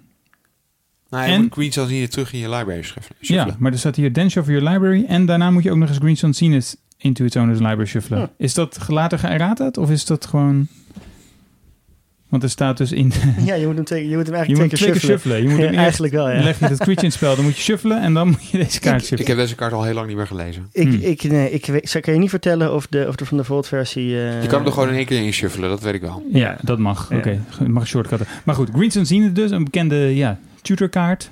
Ja, de- ja, dat is het precies zo dat groen eh, ehm, re- relevante creatures op kan toeteren. Heb je dan ook Dryad Arbor in je cube? Dat weer niet, nee. Want dat is toch ook een beetje de Ja. klassieke combo dat je Ja, voor maar ik vind één... het grappig dat altijd mensen vragen... en zit Dryad Arbor erin? Maar En je dat- kan zoveel met deze Ja, kaart maar dat doen. is een constructed opening waarbij je in beurt 1 dan een soort van een Ramp rampt. hebt, ja. Omdat je ook meerdere zines speelt. Dat is maar- eigenlijk een van de redenen waarom deze kaart banned is in Modern. Hè? Ja, ja. Ja. maar in, in, in Cube eh, ehm, is het, het, is, het is ook voor, eh, het is juist voor, voor midgame je witness halen, om, je, je Eternal Witness, omdat hij een andere kaart uit je graveyard terughaalt. Hij is minder voor een, voor een soort, voor een snelle start, maar hij is, het is meer een toolbox kaart. Ja, en groen is bij uitstek wel een kaart, een, een kleur met veel tutors. Heb je er meer in zitten ook in je... Ehm, Nou, we komen nog eentje tegen. ja, we komen nog eentje tegen. Volgens mij, het is, oh, jullie eh, hebben wel een beetje gespiekt. Ja, sorry. Oké, oké. Ehm, maar ik, ik, ik ben bijna geneigd om, om te zeggen dat dit ehm, vooral voor het type wat hij haalt, dat eh, Zenith en Worldly Tutor, die ook in deze pack zitten, dat het volgens mij de enige twee zijn, maar dat weet ik niet helemaal zeker. Ja. Goed, eh, een Planeswalker is eh, de volgende kaart. Ja, eh Garrick Relentless. eh, vier maanden, waarvan één groen. Garrick Relentless begint met drie loyalty. Hij heeft dan een speciale ability, die zegt... eh, when Garrick Relentless has two or fewer loyalty counters on him, transform him. Ja, dit is de eerste planeswalker ooit die kon transformeren. Eh, inmiddels is er nog eentje. Hij heeft twee abilities op de voorkant van 0. En de eerste die zegt... Garrick Relentless deals free damage to target creature. That creature deals damage equal to its power to him. Ja, dus zo zou zo'n zijn loyalty van 3 zou onder de 2 kunnen komen. Ja, precies. Zo kan je hem dus eh, inderdaad eh, flippen. En, eh, of transformeren, beter gezegd. Dank je. De volgende ability is put a 2-2 green wolf creature token onto the battlefield. Nou, dat lijkt me vrij duidelijk. Als je hem dan weet te transformeren, dan krijg je Garrick the Veil Cursed. En wat wel een beetje grappig is aan die ability, is dat hij groen is en zwart. En eh, iedereen die het verhaal van Garrick een beetje volgt, die weet dat eh Garrick eh, momenteel nog steeds groen-zwart is. Ook in de Mhm. nieuwste set, Mhm. maar daarover later meer. En de eerste ability van de getransformeerde kant die zegt... plus one, put a 1-1 black wolf creature token with death touch onto the battlefield. De tweede ability is min 1, sacrifice a creature. If you do, search your library for a creature card, reveal it, put it into your hand, then shuffle your library. Ook toch een soort van tutorfunctie. Mhm. En de laatste ability, het is echt vermoeiend deze kaart. Min 3. Creatures you control gain trample and get plus X plus X until end of turn, where X is the number of creature cards in your graveyard. Wauw. Kaart Ik weet nog- gewoon een heel verhaal in zijn eentje. Ja, Ja. Ik, ik weet nog toen ze deze kaart spoilden, toen hadden ze nog niet gezegd hoe die kaart precies uit zou zien. Ze krijg je een, een planeswalker met vijf Oh, dat zeiden ze, ja. ja. Hmm. En natuurlijk post Jace, eh, de Mindsculptor, was iedereen natuurlijk meteen, hoe dan? Ja, precies. Nou, dat was mijn... Hoe dan? Want Jace was een van de... Was dat de eerste met vier Ja. loyalty abilities? Ja. Ja. Nou goed. En dit is, ehm, deze kaart heeft heel veel rollen. Het is een soort, ehm, het is een tutor. Het is een overrun die je voedt met de tutor. Hij, eh, kan, eh, hij kan fighten, hij kan tokens maken. Dus het is een beetje een, eh, een Swiss Army knife die, ehm, ja, die zowel mid als late game heel erg, heel erg goed is. Hm. En ik zie hem wel heel vaak rondgaan. Ik, ik denk dat het een beetje veel werk is. Ook omdat sommige mensen misschien eh, inderdaad ook niet weten wat, wat de achterkant doet. En hem, en, Ja. hem, en hem dan maar doorgeven. Ja, je bedoelt rondgaan dat mensen hem laten zitten in het Ja, pakje. ja. Ehm, de, de volgende kaart dan? Dat is een klassieker. Dat Ja. is inderdaad een klassieker. Wrath of God. Voor eh, vier mana, waarvan twee wit. All creatures in play are destroyed and cannot regenerate. Ja, dat is eh, de signature kaart voor wit al sinds eh Alpha. Hangt natuurlijk heel veel ge- geschiedenis aan. Ik denk dat die eh, in Cube vooral gerund en geapprecieerd wordt voor 51% vanwege dat feit. Want Wraths zijn in Cube nodig, denk ik, maar ze zijn niet zo goed toch als de meesten denken. Omdat je, ehm, het is een beetje een, eh, een creature-omgeving en je moet echt puur control zijn, wil die echt heel, wil die echt heel erg goed zijn. Dus het is zeker geen, eh, waar je andere formaten denkt, oh, ik moet de Wrath als eerste pakken. Oh, de Wrath is er ook een beetje shorthand voor kaarten die ongeveer hetzelfde doen. Hier is het, is het niet echt een first pick. Nee, nee, in deze booster bedoel je. Nou, in, Hm. ik, ik vind in Cube over het, over het algemeen niet dat je die eh, pack 1 pakt. Volgende. Ehm, wie wil hem voorlezen? Dat is eh, Goblin Creator Maker. Die kost eh, rood en 1. Het is een 2-2 Goblin Warrior. Ehm, als je 1 betaalt en eh hem sacrificed, dan kan je kiezen of doe 2 damage aan een creature. Of maak een colorless non-land permanent stuk. Ja, het is een vrij nieuwe kaart uit een van de Ravnica sets. Volgens Mhm. mij Guild of Ravnica, als ik me niet vergis. Of is het Ravnica Legions? Ja, het lastige is van die icoontjes dat je gewoon niet het verschil ik, kan ik zien. kan die ook niet uit elkaar houden. Dus ik, ik weet het niet. Maar ik weet wel dat hij erin zit vanwege de laatste ability volgens mij. Zeker. Het is, meer, het is een soort het is een combinatie. Je moet altijd, er zijn heel veel, heel veel variaties hierop ge- geweest. Beren in rood die of een artefact toen nog slopen of die ergens damage aandoen. Ja. Dus het feit dat de, de speler bij deze kan kiezen, maakt een hele makkelijke include. Het verwijst ook heel erg naar hoe ik de meeste updates doe. Ehm, ik kijk altijd, als ik kaarten interessant vind, dan zoek ik de cuts meestal in dezelfde ehm, converted mana kost of functie. Omdat je op die manier dan een beetje de cube intact houdt. Terwijl je wel. ehm, De balans. ter- ja, terwijl je dus, dus wel de kaarten die die rollen hebben, dan net een beetje beter maakt. Ja. ja, en deze heeft veel rollen, want inderdaad, eh, een van de, of de laatste abilities is inderdaad om een eh, colorless non-land permanent te vernietigen. En dat kan een artefact zijn, maar het kan ook een colorless creature zijn, Eldrazi bijvoorbeeld. Ogen. Of een, Ook eh, in de een Planeswalker. Planeswalker, Ook ja. nog, ja. Ja. Bam. Vet. Dan hebben we een eh, equipment. Nee, nee, er staat er eentje over. Oh. Wildfire. Excuus. Eh, zes manen waarvan twee rood. Destroy four lands en doe vier damage aan alle creatures. Nee, het is, eh, de, landen worden, de landjes worden gesacrificed. Oh ja. Om maar te impliceren dat de, de ontvangende speler als het ware zelf nog iets te kiezen heeft. Nice. Nou, ik was een keer die ontvangende speler. Het is eh, best wel... eh, eh, dan is het best wel game over als je... Als Wildfire tegen je gespeeld wordt. Ja. ja. En die zit er ook echt in omdat ik, ehm, om het archetype in te haken, ik vind dat een, eh, een eh, ja, dan ga, dan ga ik leuk zeggen. Ik vind dat een, een leuk eh, archetype wat, in, wat ik graag bij eh, rood zie in een cube. Dus eh, ik run er ook eh, twee. Ik run ook de Portal Three Kingdoms variant. Burning of Xinye. Zeker weten. Ja. Ja. Ehm, dat is ook een typische kaart waarbij je die, die, die pak je meteen, omdat je zegt van ik ga dat archetype gewoon in. Of je denkt, nou ik ga gewoon wat anders doen. Wat, wat is dat archetype precies? Het archetype is eh artefact mana, die dus niet eh, bij, van Wildfire stuk gaan. Ja. En het komt dus eigenlijk dus eh, op neer dat je niet alleen je tegenstanders beesten een stuk maakt, mocht je die hebben, maar dat je, omdat je allebei je landjes loopt en je artefact mana hebt, dat je een soort van, zoals ze zeggen, het on board blijft. Ja. En dan vanaf daar verder uitbouwen. Is dat ook wat ze Ponza noemen? Of is dat weer een... Eh, Pons is volgens modern archetype. Dat is volgens mij meer, meer, een eindeloze parade van Stone Rains. Waarbij je gewoon sloop je landje, sloop je Ja, landje. één voor één landjes landje. lopen. Ja. Ja. en dit is echt eh, meteen eh, Ja. een heleboel landjes lopen. Ja. Alright, Arjan, eh, de volgende is een, eh, is een artifact equipment. Grafted Wargear. eh drie mana. Artifact equipment. Equipped creature gets plus 3, plus 2. Whenever grafted Wargear becomes un- unattached from a creature, sacrifice that creature. Maar de grote upside van deze kaart is de equip cost. Die is namelijk 0. Nul. En volgens mij is dit misschien wel een van die equipments die nog, nog te weinig in Cube zit. Ja. Cube-eigenaars die hier voorstander van, van zijn, die gaan ook met vlaggen de, de barricade op. Dat het een van de beste agro-support equipments eh, is die er zijn. Ehm, omdat je gewoon absurd snel voor, voor, voor heel veel damage slaat. Het komt eigenlijk alleen door die equip 0. Ja. Is het een kaart die dan in meerdere soorten decks past? Of past die eigenlijk maar in één soort? Nou, je, je kan, nee, je kan, ja, maar dat heet agro en dat, Ja. zit, en dat zit in meerdere kleuren. Dus Ja. hij past, ja, Volgende kaart is een landje Rishadon Port. Kun je tappen voor een kleurloze mana. Of je kan een uh, generieke mana erin draaien en het landje tappen om target land te tappen. Dus het landje van een tegenstander waarschijnlijk. Ja. Simpel.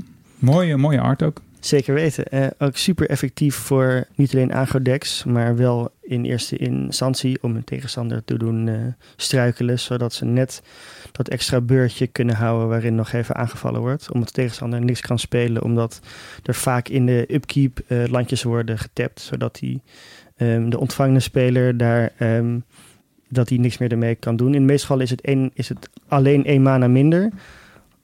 Daar doe ik een beetje licht over. Dat kan natuurlijk alle verschil maken. Maar nog extremer is als je gewoon iemand eh, bijvoorbeeld zijn, zijn enige blauwe source eh tapt. Dan Ja. is het verschil eigenlijk nog groter dan slechts één mana. Maar het zou ook een Gaia's Cradle of een Tolarian Academy kunnen zijn. Of een, of een Mace of It, zodat je gewoon Ja. toch aan kan vallen. En die zitten ook alle drie in je deck. Ja. Of in je cube. Rocky Tar Pit. Is dit Ja. die ene met dat toffe... Oh nee, dat is eh, iets met Sulfur Pit of zo. Dat Ah, is ja, een met- duiveltje ja. z- zich zit, te- zit te chillen in Die een... chillt eh, hem even lekker. Ja, dat, ja. Is, dat is de Rakdos Painland Ja. uit, uit Ice Age. Ja, Deze kaart mij komt uit Mirage. ja dat Zit zijn... niet in zo heel veel cubes. Nee, nou dat is ook een beetje, ehm we nog even voorlezen. Dat is wat ze noemen een van de slow fetches. Hij komt zelf tapt in het spel en je kan hem dan tappen en sekken om een, een Island of Swamp, sorry, een Mountain of Swamp te halen. En dat is natuurlijk net zoals met de normale fetches kan je daar ook duels mee halen. Dit is typisch een gevolg van ehm, dat ik 720 kaarten run. Ik run 720 kaarten omdat ik zelf de variatie heel erg leuk vind. Want ik begon met 360 en al heel snel kon ik gewoon deklijsten van mijn tegenstanders opschrijven als zij drie kaarten hadden gespeeld. Ja. En dat, is dan, dat, dat vond ik niet leuk. Dus ik ben over de jaren ben ik steeds groter gegaan. En ik ga niet meteen naar 27, maar je gaat van 360 naar 400 en dan naar 450. Nou ja, zo ga je steeds groter. Op een gegeven moment dacht ik, we hebben niet genoeg fetches. En dan, kom je, dan ga je een beetje gather in en dan kom je dit soort kaarten tegen. En Ah, grappig. Dus nu run ik eh, inmiddels 19 fetches, inclusief deze. Inclusief de slow fetches. Ja. Ja. Ja. Ja, want inderdaad, een cube begint meestal bij 360. Dat is eigenlijk het minimale aantal wat je nodig hebt als je met acht spelers Ja. zou willen, zou willen Ja. draften. En 720 is vaak de bovengrens. Ja. Toch? Eh, Mensen die een cube bouwen, die maken meestal niet groter dan Nou, laat ik het 720. zo zeggen. Voor acht eh, personen heb je 360 kaarten nodig. Dus Ja. dan gebruik je alle kaarten. Ja. Ja, en met, met 720 kan je dus met 16 mensen draften. Ja, want mensen die groter gaan, die gaan ook meteen voor 1300 en die noemen dat dan ook een battlebox. Die hebben gewoon een heel, zie dat bijna nooit. die hebben een, Ja. heel- die hebben een heel andere, Ja. een hele, Ja. hele andere insteek. Ja. Want je tailert toch een beetje op dat je ermee gaat draften. Ja. ja, je hebt net al een beetje gespoild, maar de volgende kaart, Worldly Tutor. Voor één groen is een instant en dat is inderdaad een, eh, een, nog een groene tutor. Search your library for a creature card. Reveal it to all players. Shuffle your library en leg dan de revealed card bovenop. Het is ehm, ook voor de groene toolbox of, voor de, of voor de, juiste finisher halen. Maar ehm, hij is in mijn cube in ieder geval enorm ehm, weinig opgepakt. Ik denk dat het, het, het, het langzame aspect van dat je hem eerst moet trekken, dat dat hem in de weg zit. Het is een beetje zo'n, hij doet voor de meeste mensen heel erg weinig, totdat één iemand ineens een absurde game ermee wint. En dan is in één keer weer voor, voor mij dan toch bewezen waarom hij erin zit. Mhm. Ja, je speelt hem natuurlijk het liefst aan het einde van de beurt Ja. van je tegenstander. Ja. Of in een deck waarbij je zelf kan Mhm. cantrippen of zoiets. Of een Sensitive Divining Top of iets dergelijks hebt. En de laatste kaart. Warren Powerstone, drie generieke mana, komt eh, into play tapped. En eh add two colorless mana to your mana pool. Play this ability as a mana source. Ja, eh, een van de, de, de, de rocks, zoals het heet. Ja, Kortom, een artefact die mana maakt. Ja. Ja, ja in Cube best wel belangrijk. En het is gek dat, eh, dat, eh, dat een van de minste mana rocks nog steeds hartstikke goed is. Ehm, ik- Ja, want het is eigenlijk een soort hele slechte solring. ja. Ja, maar nog steeds dan volgende beurt intappen en gewoon twee, ma twee mana extra maken is gewoon nog steeds hartstikke goed. Ja, wordt ook in Commander nog wel eh, Ja. gespeeld. Ja. Nou, Wat Ja. zou je eerst pick zijn? Ja, eerste ik, pick ben, zijn? ik, ben, ik ben wel blij met deze pack. Want ehm, er gaan ook op Twitter heel veel eh, first pick, first pack rond. En je, er is niks saaier dan, eh, dan een pack waarbij, je, waarbij iedereen zegt van... oh ja, nee, oké, maar er is, de Black Lotus. er is maar één juiste pick, zeg maar. maar eh, dat is ook de reden waarom ik geen power in mijn Cube stop. Ja, onder andere. Snap ik. Maar dit is echt een, eh, dit is een pack waarbij het gewoon begint met waar heb je, waar heb je vandaag trek in? Nou, Het is dan heel jammer dat eh, de Wildfire en de Powerstone er samen in zitten. Want die horen eigenlijk in één deck.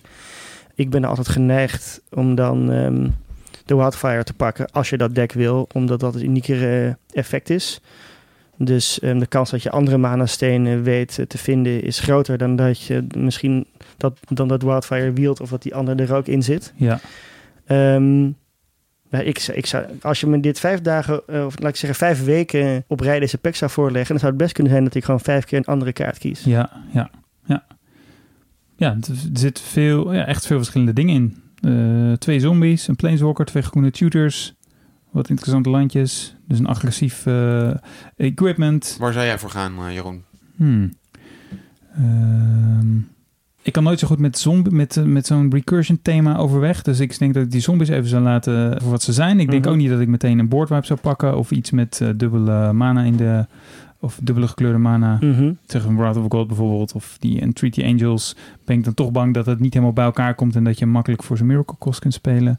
Ehm, ik denk dat ik dan zo'n Planeswalker zou kiezen. Of een van de tutors. Hm. Ja, omdat je dan toch nog een beetje open blijft. En als, als, ik, als ik een cube draft, dan komt het toch wel vaak voor dat ik dan een paar van die echt huge creatures Mhm. pak. En dan vind ik het fijn om wat redundancy te hebben en eh, wat, wat tutors te hebben om ze ook echt te kunnen vinden.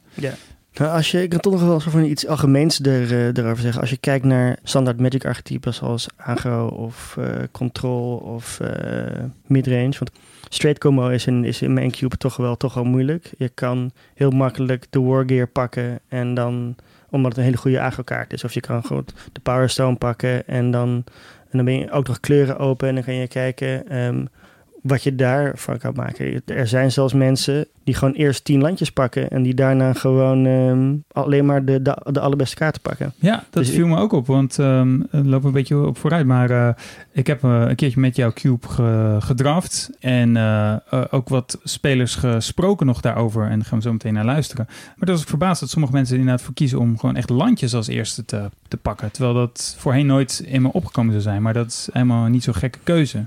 Ja, dan- de, de theorie is natuurlijk ook dat er genoeg gekkigheid langs gaat komen. En dat als je, als je het allemaal maar kan casten, dan word je Ja. vanzelf beloond voor een absurd goede hebben. Ja, in principe draf je 45 kaarten. Terwijl een normaal draftdeck heeft zeg maar 23 kaarten nodig. Ja. Dus je gaat maar de helft van je kaarten spelen. Mhm. Dus ja, het is eigenlijk heel verstandig om ja, best wel wat van je picks gewoon aan eh, landjes te besteden. Ja. Nou moet ik wel zeggen dat ik dit landje dan weer niet zo heel Ja, erg... nee, dat vind ik nee. niet een first pick waard hoor. Nee. De Rocky Tar Pit? De Rocky Tar Pit. Ja. Nee. Ja, precies. Oké, maar dan toch nog eventjes om jullie on the spot te zetten en dit blokje af te sluiten. Wat, wat, wat zou je dan nu kiezen, deze week, op dit moment, Thomas? Ehm, ik denk dat de Wargears zou eh De Grafted ja. Warrior, Ja. agressieve equipment. Maar dat is ook omdat je niet echt... ehm, je geeft eigenlijk niet verder goede agrobieters door. Dus degene, degene na jou die gaat weer iets heel, eh, heel anders pakken. Ah ja. Ja, en je blijft natuurlijk open qua Ja. kleur inderdaad. En jij Arjan? Ja, weet je, ik, ik denk dat misschien zelf denk ik dat eh Warren Powerstar misschien wel de beste pick is. Eh, althans, eh, misschien in Thomas Cube niet. Maar ik denk dat misschien wel voor de Warren Powerstar zou gaan. Maar ik denk dat ik eigenlijk gewoon voor Wildfire zou gaan. Omdat ik Ja. denk van, het lijkt me gewoon leuk om te spelen. Lekker Arjan. Ja, dat lijkt me gewoon leuk om te spelen. En daar gaat Cube toch eigenlijk om. Ja. Hè, gewoon iets wat eh leuk is om te spelen. Maar goed, Jeroen Ja. die kijkt me nu echt zo aan van... joh, ik heb laatst nog verloren van Wildfire en het was helemaal niet leuk. Nee. Het komt En- omdat ik nog een beetje Wildfire PTSD heb. Dus, En, eh, en, en dat, dat snap ik ook wel. Ehm, maar, maar goed, eh, ik, heb het, eh, ik heb niet zo vaak eh, gespeeld, Wildfire. Dus het lijkt me gewoon leuk om dat een keer te doen. en dat is ook een goede reden. Ja.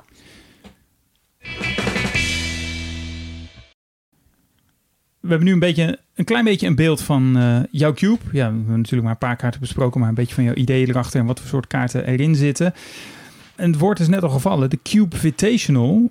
Thomas, misschien kan je beter zelf uitleggen wat dat eigenlijk is en hoe dat is ontstaan. Ja, het is, een, ehm, eigenlijk een toernooi wat een, wat een jaar lang duurt, zeg ik zelf altijd. En dat komt omdat er maandelijkse qualifiers zijn voor een, een, een eindtoernooi. Dat, eh, dat is al jarenlang met, eh, met 16 man.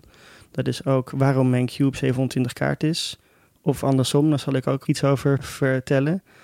Maar het is een Magic toernooi met jouw cube. Ja, ja. En dat, eh, ik, heb, ik heb mijn cube ooit ge- ge- gebouwd, dus in 2007. En toen had ik, eh, ik had geen playgroup. Want ik kwam op maandagavond draften. En ehm, maar ja, hoe ga je dat dan... eh dus op een gegeven moment aan iemand, dat was Maarten, Maarten Dekker... die een eh, permanent nu FNM organiseert. Zo van, heb jij... eh, weet je wat een cube is? Ja. Oh, nee, nou, uitgelegd. Kan jij, heb jij zes Magic vrienden? Of, nou, of misschien... Nou, ik nam er zelf twee, twee mee. Heb je, heb je vier? Ja. Hoeveel, hoeveel vrienden heb jij? Hoeveel, Heb je- hoeveel neem jij Ja. ermee? En dat, dat was de eerste keer Cube. En op een gegeven moment, oké, dit is heel erg leuk.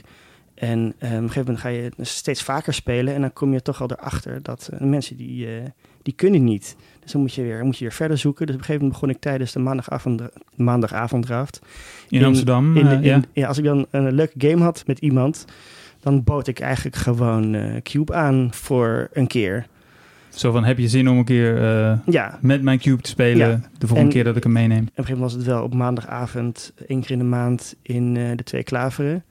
En op een gegeven moment op het, op het Dat is het Spellencafé in Amsterdam dus. sorry, Ja, dat maakt niet uit. Ehm, eigenlijk op, op, op het moment dat die cube een soort van grotere vormen begon aan te nemen, dat ging dus, dat ging dus best wel snel, kwam op een gegeven moment het, het idee van hoe leuk zou het zijn om dit te doen met twee tafels. Dat was echt de eerste inceptie van, hey, je kan, je kan het soort van nog leuker maken. Dus met 16 mensen in plaats van 8 Acht, mensen. Ja. En toen, ehm, die tijd was er nog de Bram Invitational, een eindejaarstoernooi van Bram Snapvangers. Wat En, een eh, eh, Nederlandse Hall of Famer is. Mhm. En die organiseerde toernooien en dan kon je dan punten verdienen. En als je nog genoeg punten had, dan kon je bij hem in december allemaal vage draft format spelen. Dus dat idee van ik wil met 16 cuben en dat bestaan van dat toernooi, dat leidde echt toe dat ik dacht van, ik, het leek mij gemeen om zelf te bepalen welke 16 mensen mochten meedoen. Mhm. Want toen had ik al iets van 25, 30 mensen op, eh, op eh, In je netwerk, zeg ja. maar. dus toen dacht ik, nou, dan, dan, dan heb ik dus qualifiers nodig. En iedere maand is er een draft. En degene die wint, die plaatst zich voor het eindtour tour, toernooi. Wat grappig. Dus het is eigenlijk helemaal niet begonnen als een soort megalomaan idee. Maar het is ondertussen, want het bestaat inmiddels tien jaar. Dit Ja. is de tiende Ja. editie dit jaar. Ja. eh, is het uitgegroeid tot een, ja, een best wel groot iets, zou je kunnen zeggen. Nou, we zeggen altijd het belangrijkste on, onbelangrijke toernooi van Nederland. Het belangrijkste onbelangrijkste toernooi van Nederland. En, eh, maar het überhaupt het hele dus hebben van die, van die hele meninglijst. En ehm, dingen organiseren en dan ook echt als je er maar zeven hebt, mensen bellen van hey, kan je niet cuben? Is omdat ik dus volledig geobsedeerd was door twee keer in de maand cuben. Dus ik was alleen maar bezig zo van hoe kunnen we gewoon altijd met acht man cuben? Dus eigenlijk, eigenlijk is dit hele, eh, eh, dit hele toernooi is ontstaan omdat jij je twee, maanden, je twee wekelijkse Magic Fix nodig hebt. Dat is wel de korte versie. Ja. Oké, Ja. duidelijk. De too long didn't read eh, versie. ja. Maar volgens mij ging je toen nog best wel snel verder. Want ik kan me ook nog herinneren dat je vroeger al een website had gemaakt. Mhm. Waarop alles werd bijgehouden. Eh, dat je foto's van decks eh postte. Soms met ook een verhaaltje erbij over hoe het toernooi was verlopen. En iets anders was dat je zelfs eh, ooit rankings had. Ja, in de zin van... Ik, ik had echt een ILO uitgerekend. Dat is dus echt gewoon, dus nog voor de hele Planeswalker Points had je een... Ik zal Oh. even kort uitleggen wat Ja, ILO is. ja, ILO ging- komt eigenlijk voornamelijk uit het schaken. Mhm. En eigenlijk is het zo dat je punten krijgt als je... Als je wint van een eh, betere speler, krijg je steeds meer punten. En als je verliest, dan verlies je punten. Ja. Maar dan kom je op een soort van ranking eh, terecht in ieder geval. Voor mij is dat eh, zeg maar wat ze in Wordview doen. Oké. Maar goed, oké. Ja, Ehm, en je zit natuurlijk toch te kijken van hoe doet de Pro Tour dat? Want in het begin had ik gewoon... ehm, sommige drafts waren gewoon drafts, andere waren qualifiers. En ik nodigde dus ook mensen uit omdat ze de hoogste rating hadden. En dat is allemaal een beetje gekopieerd van de Pro Tour. Omdat ik gewoon, en op een manier liep het gewoon helemaal uit de hand. Ik dacht van, hoe kunnen we het... Hoe kan ik eh, die 16 mensen bij, bij elkaar krijgen? En op een gegeven moment heb ik dus de rating weer afgeschaft. En ook de drafts die geen qualifiers waren. Omdat er dan altijd weer onduidelijk was van... hey Thomas, is het vandaag een qualifier? En moest ik zeggen, nee, dit is een normale draft. Hoezo is dit geen qualifier? dus eh, dus eh, ja, toen op een gegeven moment om het duidelijk zijn, dacht ik zo... Oké, als ik draft, dan is het een qualifier. Zijn we dit jaar ook een beetje van afgestapt. Omdat we nu eigenlijk te veel qualifiers georganiseerd hebben. En we nu dus, dan moet ik ook weer mensen zeggen van... Ja, nee, sorry, het is geen qualifier. Ehm, ja, na al Had je dat verteld nadat die persoon had gewonnen of, voor, of van tevoren? nee, na de eerste keer achteraf was het altijd vooruit. Ja. Oké, oké. Omdat het dus, omdat dus één iemand, eh wij spreken, huilend, huilend afdroop. Omdat hij eindelijk een keertje had gewonnen en toen was het geen qualifier. Arjan en ik, die waren op een gegeven moment al, al eh, eerder bezig om een, soort, eh, om een soort samenwerking te gaan doen. En nu met het tiende jaar dacht ik ineens, hoe kunnen we het nog groter maken? ja, want voor de luisteraars die misschien eh, niet alle eerdere afleveringen van Studio Magic hebben eh, beluisterd. Arjan heeft ook een, eh, een eigen cube. Die behoorlijk, eh, eh, hoe zeg je dat? Devoot. Ja, ben Bijhoud? ik, ben ik ook eh, enthousiast mee bezig. ja, inderdaad. ja. Eh, dus je hebben, je- jullie hebben de handen ineen geslagen eigenlijk, Ja. Thomas en Arjan. Want we dachten van, wat is nou leuker dan 16 man? Dat is een, dat is een jubileumtoernooi waarbij je dus met z'n 32 speelt. Dus dit Ja. tiende, jaar- deze tiende editie, 2019, is dus een, eh, wordt dus eigenlijk één groot eindtoernooi met 32 mensen. Ja, En het hele jaar daaraan voorafgaand kunnen mensen zich kwalificeren. En dat Ja. is nu dus in volle gang. En hoeveel mensen hebben zich al gekwalificeerd? 30. Ja, ja, ik kan uitweiden over de, over de structuur. Want wij, wij hebben eh, heel lang een soort van in de piepzak gezeten over 32 man. Dat is best wel veel. Ja. Hoe gaan we dat doen? En toen hebben we gedacht van, nou, alle winnaars van de afgelopen jaren, we plaatsen ze automatisch. Dan hebben we er al negen. ja, wie, wie weten er? Eigenlijk zeven, want twee mensen hebben hem twee keer ge, Ah, ge- helder, oké. Dus dan moet je nog 25. Ja, en dan, oh, wie kent eh, kunnen we niet, eh, kunnen we niet eh, wat, eh, wat dignitaries vragen? Als, eh, als, eh, als, als Teun Zijp, oud Magic Judge. Een, van de, ja, een van de voornaamste judges in Ja. Nederland. eh, maar wat lange gel- gelauwerde eh, Magic Altijd, eh, spelers of men- mensen uit de Magic community in Nederland. En toen hadden we een mooie startlijst. En toen zijn we, nou oké, dan hebben we zoveel qualifiers over. Hadden we berekend op 20. We hadden we nog in de open stoel voor misschien wil je zelf meedoen. Nou ja, 20 qualifiers. En dus zijn we lekker qualifiers gaan organiseren. En het ging eigenlijk een beetje eh, te hard. Want cube is leuk, dus je doet het vaak. En eh, dus we moesten ook een zomerpauze eigenlijk een beetje in. Ook in- wel een beetje in- aan toe, hoor, Thomas. ja, want ik zat er bovenop. Ah ja, wanneer is de volgende qualifier? Want eh, anders, eh, anders, anders redden we het allemaal niet. Dus ja, maar dat, ik vind dat ook wel een beetje illustreert wat ik zeg. Dat het, soort van, het begint met één keer een cube bouwen omdat je een leuk filmpje ziet. En daarna gaat er eigenlijk een soort van eigen leven leiden. Omdat je gedreven wordt door gewoon meer willen cuben. Ja. Ja, want dit is niet iets wat jij eh, eh, in 2000, wat was het, 7 voor ogen had toen je voor het eerst de cube van Julian Nuiten eh, ehm, door je handen liet gaan. Nee, ik weet alleen maar dat ik toen enorm verloren heb van Sander Schaap. Dat is het enige wat ik me nog herinner. Hmm. En ondertussen, Julian Nuiten die speelt zelf ook wel eens, eh, Mhm. doet zelf ook wel eens mee Ja. aan... eh, heeft hij ook een keer gewonnen, de Cube Invitational? Eh, nee, Maakt hij kans dit jaar? Of is hij altijd. Hij maakt altijd... Ja. Oké.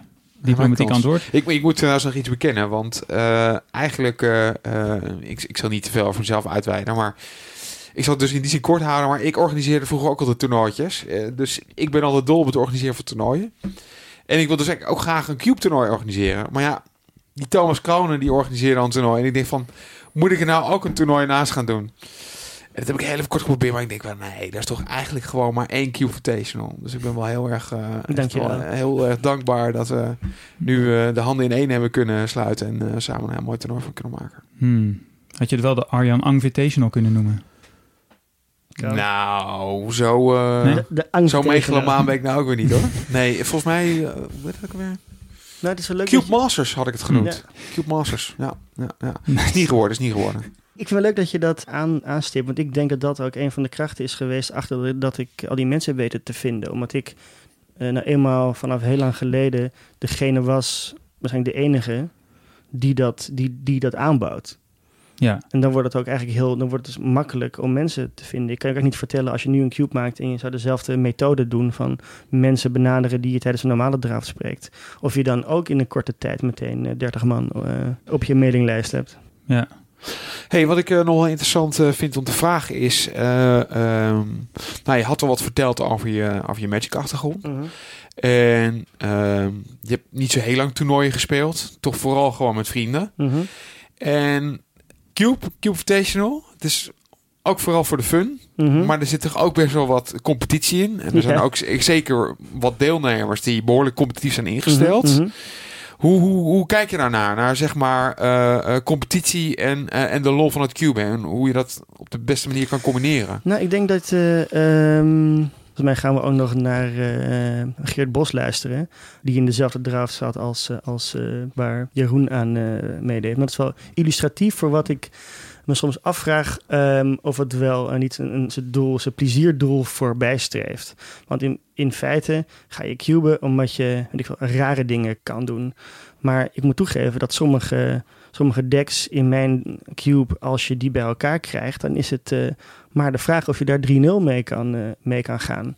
Want ik heb niet alles zo ver uitgediept dat alle archetypen gewoon gegarandeerd even sterk zijn. Zoals het in een, eh, in een eh, normaal limited formaat nou, is. ik denk dat het praktisch bijna nooit voorkomt hoor. Dat het zo gebalanceerd is. Maar Nee, maar het is als ik dan andere cubes zie die voor een kleurencombinatie echt een, een thema benoemt als, als counters. Mhm. Eh, zeg maar pl- plus, plus 1 plus 1 counters.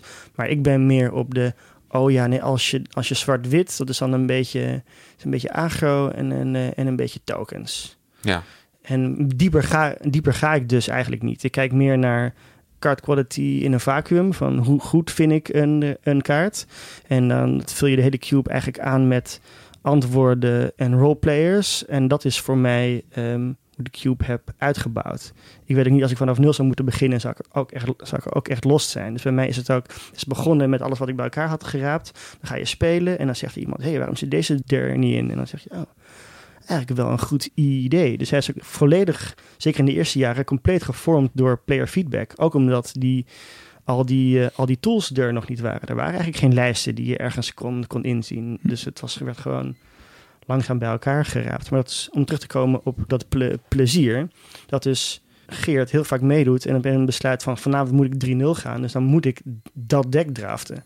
En dan vraag ik me wel af van ja, maar dan denk ik gewoon hardop van is het dan nog wel leuk? Als je op die manier zo competitief moet.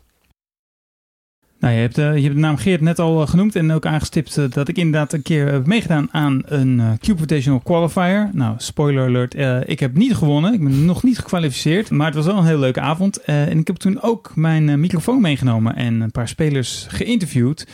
Waaronder Geert. Dus laten we meteen maar eventjes naar, naar Geert gaan luisteren, die uiteindelijk de draft heeft gewonnen.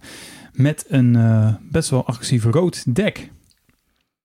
Ja, en nu ben ik aangeschoven, of ik zit eigenlijk tegenover de winnaar van deze qualifier. Hallo allemaal. Dit is Geert.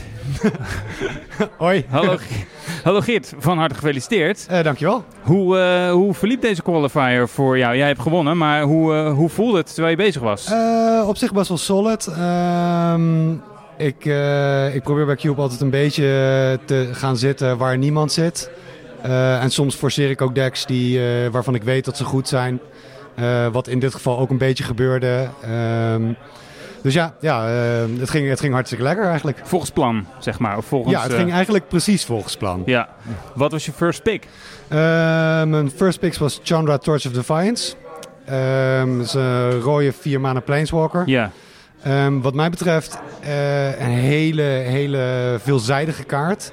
Die zowel in mono-rood kan winnen als dat, die, dat het echt een solid win conditie is in een, eh, in een control deck. ja, Eh, dus daarmee probeerde ik open te blijven buiten het feit dat je dan dus rood bent. Maar het opent gewoon een hele sloot met eh, x-rood decks open. Die zeg maar zowel Jeskai als andere rode, rood-blauwe decks. ja, waarmee, waarmee dat een goede winconditie is. ja. Even voor de mensen die het eh, niet meteen op hun netvlies hebben. Chandra Torch of Defiance is die vier maanden Planeswalker. Eh vier maanden dus, waarvan twee rood. Vier loyalty. De plus één is dat je de topcard van je library mag exilen. En die mag je casten. En als je het niet doet, dan doet Chandra twee schade aan elke opponent. Eh, dus dat is eigenlijk gewoon kaart, card advantage, zeg maar. Ja. Dan is er nog een plus 1 dat zegt dat je twee rode mana aan je pool mag toevoegen. De min 3 is 4 schade aan target creature. En de min 7 is een emblem.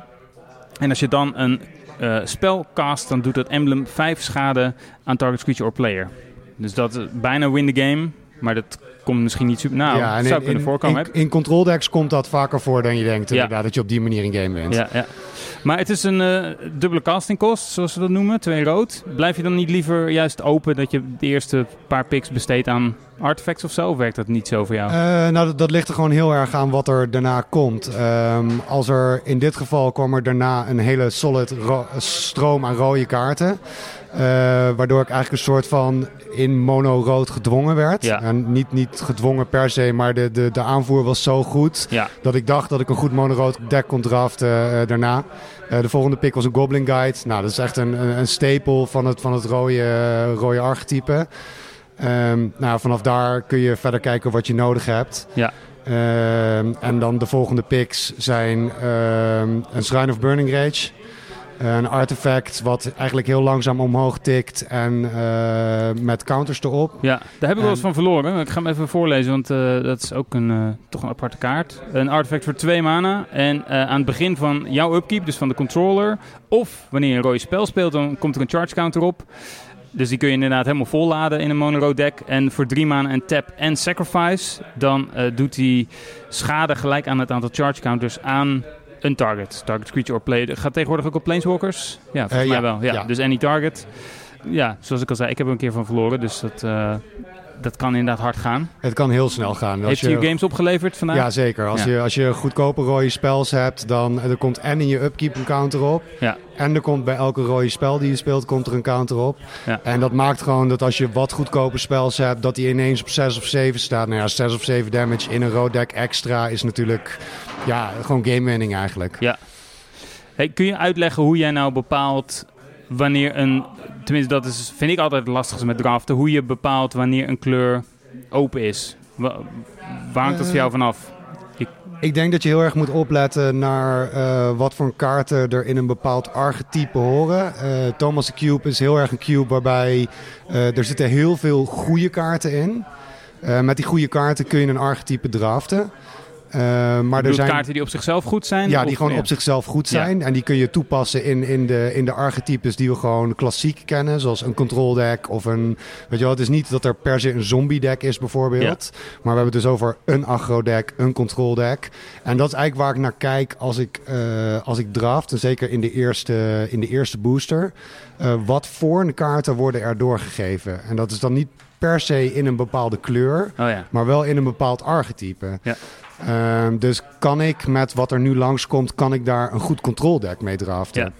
En dan ben ik meer, minder gefocust op kleur. Natuurlijk probeer je binnen een bepaalde boundaries te blijven.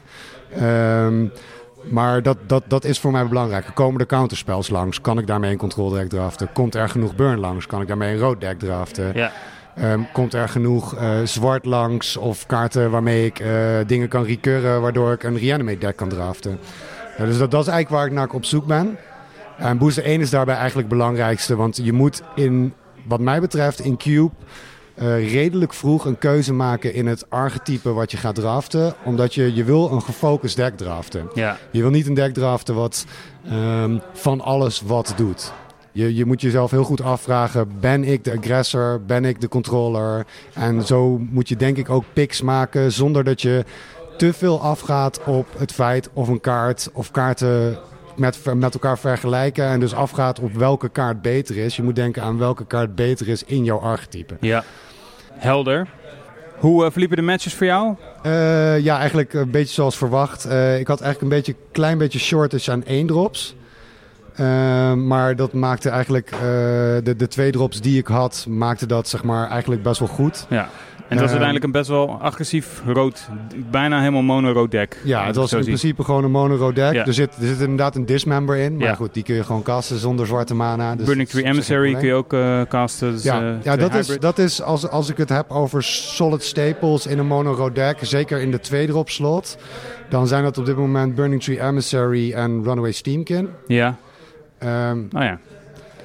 Pak ze er even bij. Burning Tree Emissary is eh, de oudste kaart van de twee. Is dat Gate Crash, dit eh, tekentje? Ik denk het Dat wel, weet ik ja. even niet. Ehm, voor twee, eh, hoe heet het, Gruul Hybrid. Dus een rood-groen of, en nog een rood-groen. Dus je kan ook casten voor twee rood of voor een groen en rood, nou, enzovoort. When uh, Burning Tree Em- Emissary enters the battlefield, add rood-groen to your mana pool. Dus dan kun je eigenlijk nog meteen een tweede of een derde creature zelfs ja, eh, dus het daarna spelen. zorgt, het, zij zorgt er echt voor dat je kan exploderen op de board op turn 2. Ja, en eh, Runaway Steamkin is een wat nieuwere kaart uit eh Guild of Ravnica is dit volgens mij. Eh, voor eh, twee mana waarvan één rood. Een 1-1 elemental. Whenever you cast a red spell, if Runaway Steamkin has fewer than 3 plus 1 plus 1 counters on it, put a plus 1 plus 1 counter on Runaway Steamkin. Dus je kan hem volladen met maximaal eh 3 plus 1 plus ja. 1 counters. Als je geen andere gekke shenanigans hebt. En als je hem opoffert, kun je 3 mana in je pool stoppen. Nou, je kan, je kan er drie counters afhalen om Oh ja. drie mana te Excuus, je hebt gelijk. Ja, dat is Dus een wat- subtiel verschil. ja. Dus dan blijft het nog steeds een 1-1. En dan kun je daarna weer opnieuw los. En met die drie mana kun je weer een rode spel casten. De- deze kaart is echt in eerste instantie is, is veel beter dan ik in eerste instantie dacht. Als, je, als je hiermee, je maakt hem op turn 2 en je maakt op turn 3 een Burning Tree Emissary en een spel en nog een spel. Dan liggen er drie counters weer, op. Ja, heb je er- weer drie mana tot Ja. je beschikbaar. Dan krijgt hij weer een counter van. Ja. Zo kun je echt je hele hand gewoon op, op de board exploderen. Dus dit zijn een beetje twee engines van jouw eh Ja, wel als twee drops inderdaad, Ja. zeker. En daarnaast heb je denk ik in de drie drop slot heb je tegenwoordig eh, Legion Warboss en eh, de Goblin Rebel Master. Ja, de die maken drops. allebei tokens, Ja, die mij, maken ja. allebei inderdaad een 1-1 token in je attack phase. Ehm, dat zorgt ervoor dat je heel breed gaat en dat je heel veel damage kan doen in, eh, in het, in, eigenlijk in, op turn 3 van de game al. En dat je turn 4 of 5 al kan winnen. Wat was je tofste play? Weet je dat nog? Eh, ja, de tofste play was inderdaad Runaway Steamkin into Burning Tree Emissary into a 3-drop. En de volgende beurt kon ik met nog een spel mijn hele hand gewoon op tafel leggen. Eh, waaronder als laatste play een Experimental Frenzy. Ah ja, dan mag je kaarten, of dan mag je eigenlijk alleen maar kaarten van de bovenkant van je deck spelen. Ja, klopt. Ja. Ja. en als je kaarten allemaal zo goedkoop zijn als dat ze hier zijn... dan kun je eigenlijk gewoon van de top van je deck gewoon blijven spelen. En eh, zo, zo flat je de board gewoon helemaal. Vet man. Eh, oh ja, en een Ank van Mifra dat is een klassieker. Ja, die Ehm, kaart is echt belachelijk Die straft je tegenstanders af voor het spelen. die speel, het straft elke tegenstander Ja. af. Of elke speler af. voor Elke het spelen van speler. landjes. Twee Ja. schade krijg je dan. Ja, een van mijn tegenstanders die ging, ik maakte een ank en eh nou, het landje komt in play, krijg je twee damage van. Nou, hij speelde een fetch, fetch in een landje, dat doet je vijf damage. Ja, Ja. Dat, is, dat is gewoon dat is een vierde van je levenstotaal, daar ben je Ja. gewoon dood van. En dan denk ik het laatste wat nog belangrijk is als je een mono deck draft, is als je kan, zorg dan dat je disruption bij elkaar kan krijgen. En disruption ziet er meestal uit in de vorm van land destruction. En in dit deck heb ik zowel de wasteland als de strip mine. Ja, de, de die landjes die ja. eh, landjes slopen eigenlijk. Ja, klopt. En die maken gewoon dat je decks die er eh, gebruik van maken, dat je meerdere kleuren kan zijn en powerful plays kan maken. Eh, ga je eigenlijk gewoon tegen dat ze dat überhaupt kunnen doen. En dan win je eigenlijk voordat zij. Dus ze zitten met zes kaarten in de hand en dan zijn ze dood. Ja. Dus ja, ik, het, is, het is een deck wat ik, ja, waar ik een soort van haat-liefde relatie mee heb. Hm. Mono-rood. Ik, ik, ik, ik, ik vind het ergens leuk om te spelen, maar ergens vind ik het ook ehm, een soort van eh, te simpel. Omdat je in Cube zoveel extreme dingen kan doen. ja. Eh, voelt mono-rood altijd een beetje humbling. Maar het is, het is gewoon echt een heel erg goed deck als je weet hoe je het moet draften. Nou, dat is vanavond blijkbaar gelukt. Ja. Gefeliciteerd nogmaals met je overwinning. Dankjewel. Heb je al eens een keer eerder geplaatst voor eh, een Eh ja, ik doe inmiddels al een jaar of vier, vijf geloof ik mee aan de Cube Invitational, zoiets. Oh, acht in het totaal zie ik hier. Wauw. Thomas heeft het het heel goed bijgehouden. Die zit even het... eh, Dat wordt allemaal heel netjes ja, geregistreerd. dat is een goede administratie van, eh, van de En, Cube eh, Invitational. ja, het, het is wat... eh, wat eh, het, het is een van de leukste formaten die je kan spelen wat mij betreft. Eh, ik heb vroeger, of in het jaar 2010, heel veel Limited gespeeld en heel veel Standard. Ja. Ook Europese Grand Prix gedaan. En, eh, eh, dat, dat gewoon echt heel veel gedaan. En eh, dit, dit is eigenlijk wat er over is gebleven van die hobby. Omdat je dit gewoon... Dit, dit gaat nooit weg. Ja. Weet je wel? Dat, dat gevoel van dat je met hele gave spels dingen kan casten en kan doen. Is dat dan ook een kwestie van tijdgebrek? Dat je eigenlijk niet echt meer tijd hebt om al die formaten bij te houden? Ja, absoluut. Ja. Ik denk dat, dat Magic is. En, en als je op hoger niveau wil spelen, is het een hele, hele intensieve hobby. Ja. Waar je gewoon echt veel tijd en energie in moet steken. En ik denk dat het heel moeilijk te combineren is met een, eh, met een fulltime baan.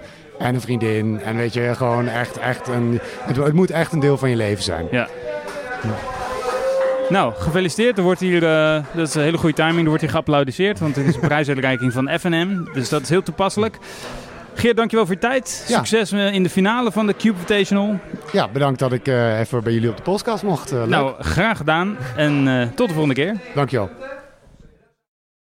Ja, nou, Geert die had dus een eh, mooi rood dek gedraft. Over verschillen tussen jou en mij gesproken. Ik heb het idee, maar misschien, eh, je mag me corrigeren. Mhm.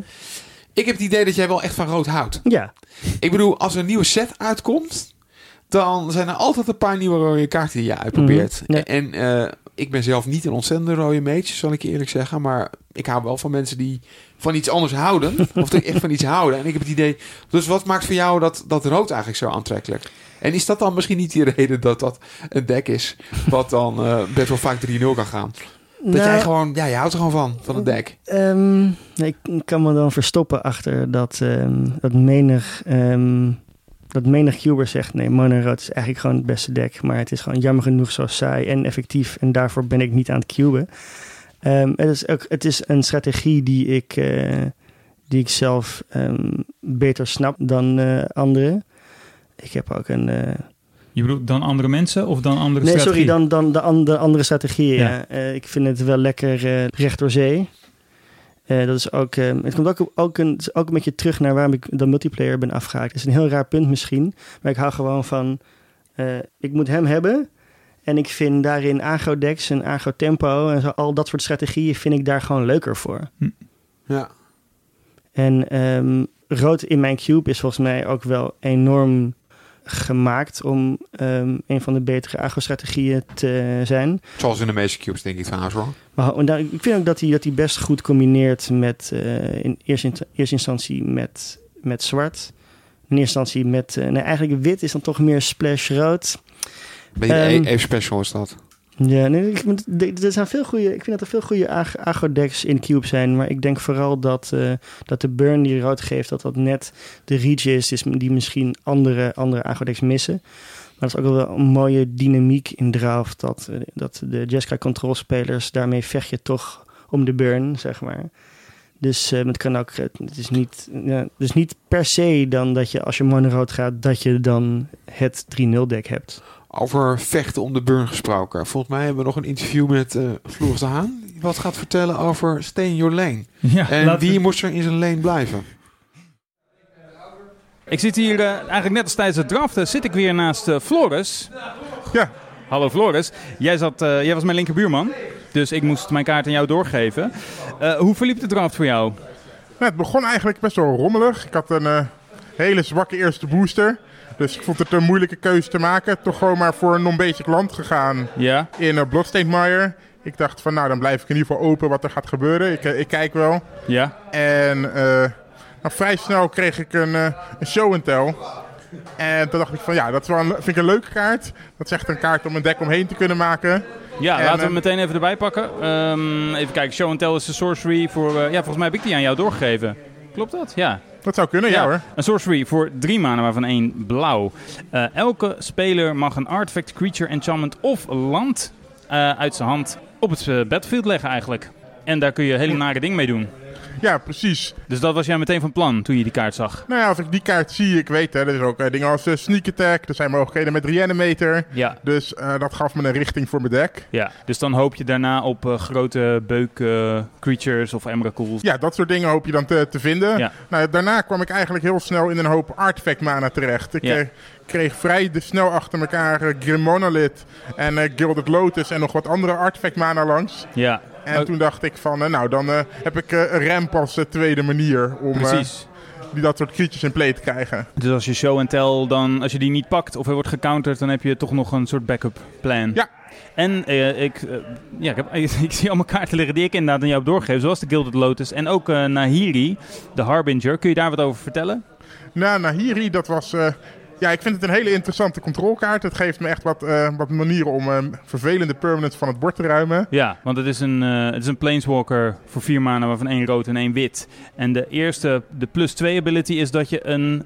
nee, de, eerste, de plus 2 ability is dat je... ehm, Een kaart mag, een looten. Ja, looten eigenlijk inderdaad. En de min 2 is dat je een permanent mag exilen, maar er moet dan een enchantment of een getapt artifact of creature zijn. Ja, dus precies. inderdaad een beetje control, maar ook een beetje kaartselectie. Ja, ik heb wat, eh, wat eh, vroege controlspels, wat goedkope controlspels. Eh, ik mana drain gedraft. Dat was heel leuk om mee te spelen. ja, En nou, dat waren manieren om dat soort creatures in play te krijgen. je zit ook bij het glunderen, dus Ja, ik vind dat kaarten een leuk. feestje voor jou. Ja. en wat was, wat, was, wat was de tofste kaart uit je deck? De tofste kaart uit mijn deck. Nou, ik moet zeggen, ik, hmm, ik ben meestal heel erg fan van Sundering Titan. Ja. Hij viel dit keer een beetje tegen.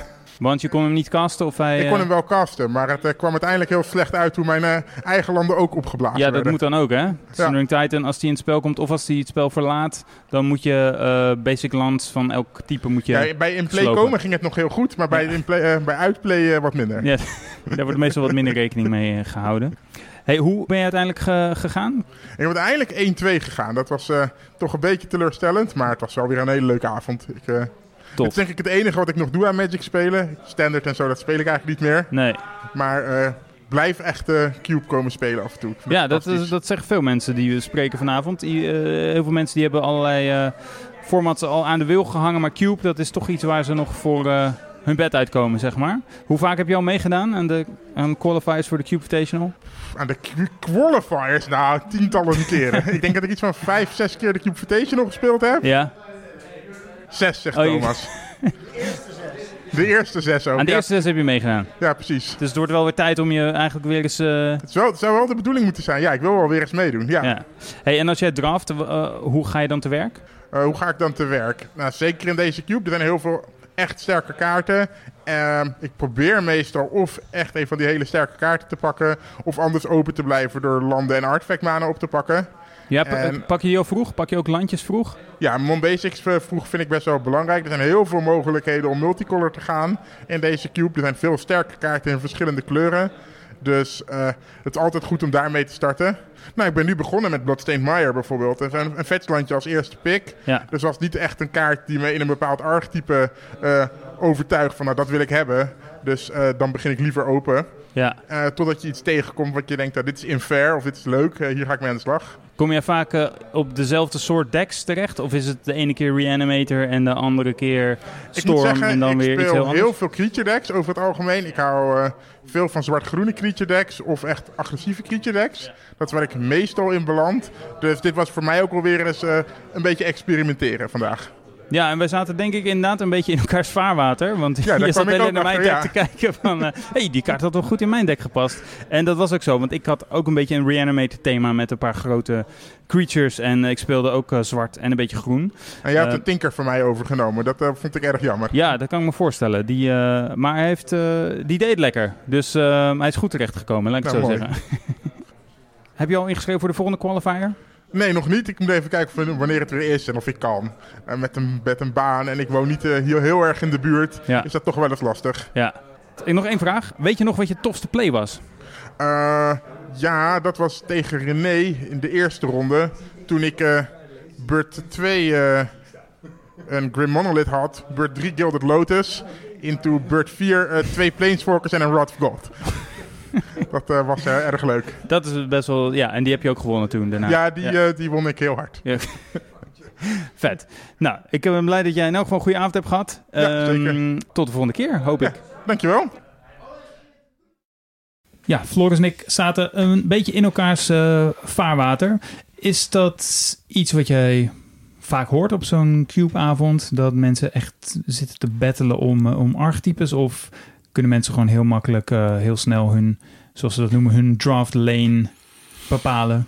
Ja, ik, ik denk dat er, ehm, dat er minder echte lanes bij mij zijn, omdat ik denk dat archetypes niet helemaal, niet, niet, niet goed of niet heel diep ehm, uitgeflashed zijn, om maar eh, een slecht anglicisme te, te gebruiken.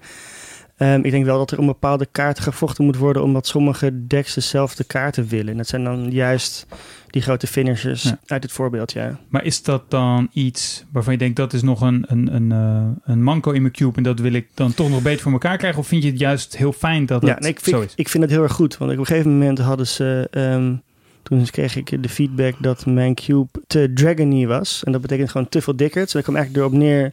Ehm, dat noemden ze ook. eh, Het komt allemaal neer op who can stick it. Het was Ja. gewoon. Dit ga- die, die maakt die dood, die maakt die dood. Oké, ik kan wel een dickert casten. En dan maak jij er. Oké, en dan zitten we elkaar toch weer een beetje aan te kijken. Ja, dus ik vind de het eerste met een removal spel die wint. ja, dus ik vind het eigenlijk wel goed dat je dan in de draft er al een beetje om moet vechten. En dat dwingt je ook om. Ik denk dat, het daar ook, eh, dat je ook hele andere decks krijgt. Omdat je niet iedereen veel alleen maar naar grote dingen zit toe te werken. Ja. Ja, wat trouwens wel eh, grappig is, is juist omdat je eigenlijk voor een powered cube gaat. Mhm. Wat, wat een beetje een, eh, vaak toch wel een feature is van, van powered cubes, is dat blauw behoorlijk sterk is. hè. Mhm. Meestal is blauw gewoon een van de sterkste kleuren. Dus ik herken wel als ik jouw cube draft, dat er wel om blauw wordt gevochten. Mhm. Ik kan wel zien als iemand anders van de eh, voor me in blauw zit. Ja. Dat, eh, dat merk ik dan zeker wel. Ja, maar een kleur is toch anders dan, dan kaarten die in een bepaald archetype horen. Want je moet toch vijf kleuren verdelen met z'n achter. Ja. We hebben nog een eh, laatste interview klaarstaan en dat eh, is met René Nieuwenburg. Goed, de Cube Invitational Qualifier, die zit erop. En ik zit hier naast René. Hallo René, welkom. Welkom in Studio Magic. Eh, hoe ging het voor jou? Mm, nou, de, ik dacht, ik open een Black Lotus. Heerlijk. Oh, wauw, oké. Eh, tweede booster open ik een Mox. Denk, nou, ik kan niet meer stuk. Wauw. En derde booster een, eh, een Time Walk. Ja. Ik denk, nou, kat in bakkie. Als dit het niet lukt, dan kan ik het gewoon niet. Nee. En als ik verlies, ligt het aan de speler en niet aan de kaarten. Totdat ik tegen Floris eh, ronde 1 mocht. En ehm, die deed allemaal shenanigans en ik pakte mijn power niet. En ehm, toen was gelijk al de droom uiteen. Oh nee. Maar ik moet zeggen, ik heb eh, uiteindelijk een wit-groen-zwart dek gedraft. eh, wat in mijn stijl ligt. Ja, Veel plezier mee gehad, dus eh, sowieso geslaagd toch wel avond. geslaagde avond. Oké, heb je vaker meegedaan met een qualifier? Oh, ontelbaar keer. het is het leukste formaat wat er is. Precies, en dan maakt niet zoveel uit als je niet, niet wint, maar het is wel, maakt het wel extra leuk. Absoluut. Ja, hey, en ehm, wat voor soort deck heb je uiteindelijk gedraft? Wat was het thema? Eh, Het thema is meestal bij mij value. Ehm, eh, recurring dingen. De Recurring Nightmare is ook een van mijn favoriete kaarten erin. Oh ja, die had ik Eh, toevallig. Oh, jammer. Sorry. Ja. En ehm, ik ging ervan uit, omdat ik de Black Lotus pakte, dat ik flexibel moest zijn in de kleurkeuze. ja. En ehm, ik probeerde fix te pakken, veel landjes in het begin, fetch, wat is het, pijnlandjes. En dat is uiteindelijk geresulteerd in iets eh, wat ik oké tevreden mee was. Het was niet insane, Ja. ehm, ehm, maar ik hoopte op stabiliteit. Ja. En eh, in je first, eh, je first pick was dus een Black Lotus. En wat kreeg je daarna? Weet je nog wat je doorkreeg en wat je tweede en derde pick was? Weet ik niet meer uit mijn hoofd. Ehm, ik denk derde pick dat ik een Sun Titan had. Ja. Weet ik niet meer zeker, maar wel die kant op. Ja. En eh, ja, hoeveel value wil je hebben? Ja, dat eh, doet het lekker. Sun Titan is die eh, witte Titan voor 6 mana, geloof ik, waarvan ja. twee wit. En als Ja. die in het spel komt, mag je een permanent van twee of minder Drie of minder zelfs. Drie of minder. Ja, en als die aanvalt, mag je dat ook nog doen. Precies. Dus dat is inderdaad een value train. En ja, ik zie, je hebt een foto gemaakt van je deck, zodat je nog even kan nagenieten. Yep. En ik zie Kitchen Finks onder andere staan. En wat heb je nog meer? Is dat Marin? Marin zit ertussen. Wat doet die ook weer? Ehm, sowieso aan het eind van de beurt krijg je een beestje terug uit je graveyard. Heb je zoveel tokens erop liggen aan castcost, mag je gelijk in het spel. Ja, als je, exper als je experience counters eh, hebt. Dus de Exact. commander kaart voor, eh, voor vier mana, waarvan een zwart en een groen. dan heb je inderdaad al drie kleuren. En wat had je nog meer voor kleuren? Ah ja, eigenlijk kon je alles spelen natuurlijk. Ja, en wit. En mode vind ik altijd wel interessant. Ja. Zeker met ehm, ehm, ja, toch wel de snellere decks. Eh weenie decks, wit-rood, eh, rood, zwart-wit. Ja, want dan mogen alleen vliegende creatures jou aanvallen. Exact. Ja, ja, ja. Lekker oldschool. tof. En wat was je tofste play? Oh, ehm, dat was een één-land-hand tegen Thomas met, ehm, wat was het? Een Black Lotus, een Gurak, beurt 1. eh, vervolgens beestjes maken, Time Walk. ehm, en, en een dikke engel op beurt 3, die ook nog wat weg bij hem haalde. En toen was het al gespeeld. En Thomas is de maker van deze cube. En hoe, hoe, hoe kijkt hij dan als jij eh, helemaal losgaat? Is hij dan een beetje zuur of is het, vindt hij dan ook super vet? Ja, ik denk dat hij het super vet vindt. Ja. Het is eh, zijn, zijn creatie met een passie. Ja, En andere plezier daarin hebben lijkt mij, ehm, ja, eh, Thomas kennende, een van de leukste dingen die je mee kan maken. ja. Speel je ook nog zelf andere formaten, behalve cube? Bijna niet. Eh, Nee. Online deed ik wat. Eh, of doe ik wat. Recent nog een paar, eh, paar euro in ge- geïnvesteerd. In Arena? Eh, arena inderdaad. Ehm, en hier en daar nog een, een pre-release. Lekker Ja. huiskamer magic. ja. Vind je cube het leukste format dat er is? Absoluut. Ja, Dat is echt nog de reden waarom ik magic speel. cool. Nou, dankjewel voor je toelichting op je deck. Leuk om je even ontmoet te hebben. En nou, misschien tot de volgende keer. Graag gedaan en insgelijks. Ja, René, dus eh, drie kaarten van de Power 9. Of de Power 8 in, eh, in het geval van jouw cube. En dan toch, eh, ja, hoe- ja, hoe zeg je het netjes? Ehm, in elk geval niet echt winnen. Maar hij had wel een hele toffe avond gehad. Dat is een beetje wat ik bij iedereen merkte die meedeed aan die, aan die avond. Volgens mij vond iedereen het te gek. Ook als ze eraf gingen, zoals ik bijvoorbeeld. Hoor je dat vaak? Ja. Ja. Nee, het, is, het is wel altijd een mooi tegenargument tegen waar we het net over hadden. Dat ik me afvraag of het, of het nog wel leuk is, omdat het een soort van semi-competitief is. Ja. Maar ehm, dat is volgens mij ook waarom die lijst zo lang is. En waarom mensen als René en Floris uitsluitend cuben. Omdat ehm, eh, die, ja, die, die, die games zijn gewoon heel vaak absurd. En als je van draften houdt en je kan een soort eigenlijk alleen maar ehm, absurde decks draften, dan blijft dat volgens mij gewoon trekken. Dus ik vind het ook... ik blijf ze ook gewoon uitnodigen. En als ze verder niet, niet magicen, maar ze komen wel cuben, daar heb ik natuurlijk verder niet echt, niet, niet echt invloed op. Maar daar ben ik wel natuurlijk heel erg, heel erg blij mee. Ik ken ze ook al. Door uh, Floris, die ken ik dus ook al vanaf toen ik voor het eerst ging cuben. Ja, en Ja. sommige van die jongens die wonen zelfs niet eens meer in Amsterdam. Nee, nee. Maar het is natuurlijk een enorm eh, compliment voor jou en voor je cube natuurlijk. Ja, dat ja. dit soort spelers, want het zijn dus inderdaad allemaal mensen die vroeger behoorlijk fanatiek gemagict hebben, soms ook Mhm. op hoog niveau, dat die eh, eigenlijk alleen nog hun bed uitkomen als het om magic gaat eh, voor eh, een potje met jouw cube. Ja, nee, nee, ja ik, ik denk toch dat het had, dat had misschien any other cube kunnen, kunnen zijn. Maar het is... eh, Jij was daar toevallig met jouw eh, ge- gehossel eh, ja, in het, de... het ja. is toevallig die van mij. Ja. En klopt het wat René eh, eh, zegt? Ik denk dat ik het antwoord al weet, maar dat hij dan tegenover jou zit en eh, dat, dat jij van hem verliest, maar dat je dan toch eigenlijk Ja, enorm zit te genieten. nee, dat, hebben we, dat hebben we, eerder, hebben we ook even kort aangestipt eerder. Van je doet kaarten natuurlijk in, in de cube omdat ze wil dat ze iets doen. Ja, Je bent dan al in eerste instantie heel erg blij als je dan kaarten ziet van, oh, die, die speelt bijna niemand. Dus ik ben heel blij dat iemand ermee speelt. En als je dan ook nog enorm er, er, ervan verliest, ja, dat is gek, dat is gek genoeg fantastisch. ja. ja, een soort plaatsvervangend, eh, toch Ja, plaatsvervangend ja, succes. Ja. Hey, en nog even, dat hebben we volgens mij nog niet besproken, maar wat, eh, wat eh, wint eigenlijk de, de winnaar van de Q-Invitational? Ja, ehm, 100.000 euro. eh, ik had in het eerste jaar, het eerste jaar had ik eh bekers. Dat was het. eh, en eh, de top 4 die mocht eh, een landje signeren. Ah ja, Een hinslandje. Een, eh, een hinslandje, ja. En dat is nu inmiddels negen jaar later. Is dat een mooie tapestry. Waar ook echt. Het is ook echt zo dat als winnaars of top 4 spelers eh, komen cuben. Dan, dan weet ik dat ze die landjes ook eruit zoeken. Om Ja. even met hun eigen landje te gaan spelen. En de beker is altijd ge- gebleven. Nu tien jaar later denk ik, had ik maar een grote mooie wisselbeker. Want dat heeft dan toch ook weer, weer iets. Eh, nu eh, weet je nooit bij, bij mensen die helemaal achter hebben van waar die is. Niet dat dat erg is, maar... En op een gegeven moment, alsnog meer prijzen, eh, ben ik op een gegeven moment begonnen met tokens. Ja, want ik wou net zeggen, de mooiste, dat is eigenlijk wel de mooiste dat is prijs, eigenlijk de mooiste prijs, ja. Ja. ja. De Cube Invitational is dus eigenlijk een soort uit de hand gelopen manier om eh, te kunnen blijven magicen. Mhm. Wat is nou jouw grootste lol aan de Cube? Is dat zelf met je eigen Cube spelen of is dat andere zien spelen met jouw cube? Tussen die twee is dat toch al zelf spelen. Toch wel? Ja, ik weet niet of ik zelf spelen het leukst vind van Cube in het algemeen. Want ik denk dat het misschien gaat het dan toch meer naar andere mensen. Maar ik vind ook gewoon echt de hele cyclus heel erg leuk. Gewoon van hoe dat toernooi dan het hele jaar loopt.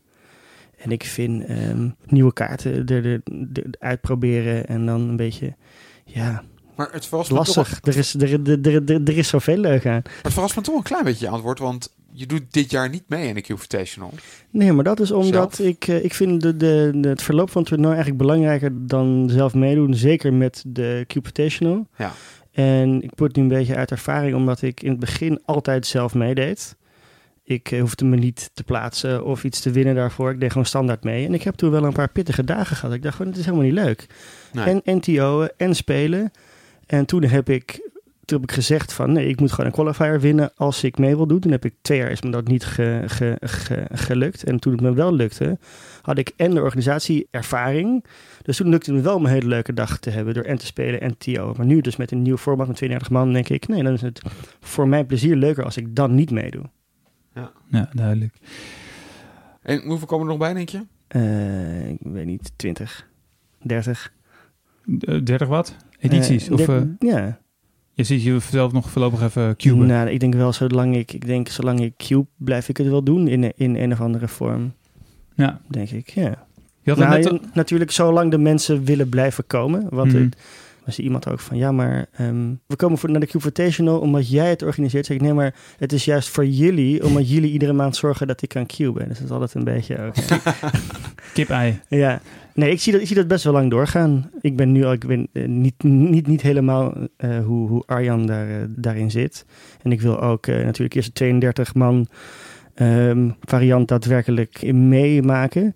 Maar wat, wat mij betreft is er, eh, is er geen weg terug eigenlijk. Is het gewoon, is het gewoon 32 of, eh, of eh, 64? Mhm. Zo 64, zo, Nou ja. netje. Die, Ja. ja. Ik bedoel, het, het moet wel goed doorperen. Ja. Ja, ja, ja, dat is waar, dat is waar. En daarna wereldheerschappij eh, waarschijnlijk. Ja. Ja. Oké, wanneer eh, vindt de Cube Invitational plaats? 2019? 16 november. 16 november. In, Nou, de, in de Twee Klaveren te Amsterdam. cool. Wees Ja. welkom om te kijken. Hartstikke tof als er mensen eh, uit belangstelling eh, komen kijken. En ik eh, ja, durf toch wel te zeggen dat wij tegen die tijd met Studio Magic ook nog aandacht aan zullen besteden. Ja, en dan zitten dus de eerste tien jaar van de Cube Invitational eh, erop. En ehm, fijn om te horen dat jij voornemens bent, Thomas, om daar nog een paar decennia aan vast te plakken. Ja. Ehm, ik denk dat... heel erg lang. ja. dus eh, daar kijken we allemaal naar uit. Thomas, eh, ontzettend bedankt voor jouw eh, komst naar Studio Magic. Graag gedaan, bedankt voor het vragen. Heel graag gedaan. En daarmee zit deze 31ste aflevering van Studio Magic er alweer op. Wil je meer horen? Wij zijn te vinden in iTunes en in Spotify. En daarnaast in Stitcher, TuneIn en andere populaire podcast apps. Je kunt je daar gratis abonneren en eerdere afleveringen beluisteren. En eh, volgende afleveringen natuurlijk ook zoals onze eh, aandacht aan de Cube Invitational. En al die afleveringen kun je ook afspelen via onze eigen website studiomagic.nl. Verder doe je ons een groot plezier als je ons volgt op Twitter of liked op Facebook. Dan kun je ons ook vragen stellen of feedback geven. Op beide sociale netwerken heten we Studio Magic NL. De muziek die je hoorde is de track Surf Shimmy van Kevin MacLeod onder een Creative Commons licentie. Meer informatie daarover in de show notes. Bedankt voor het luisteren en tot de volgende Studio Magic.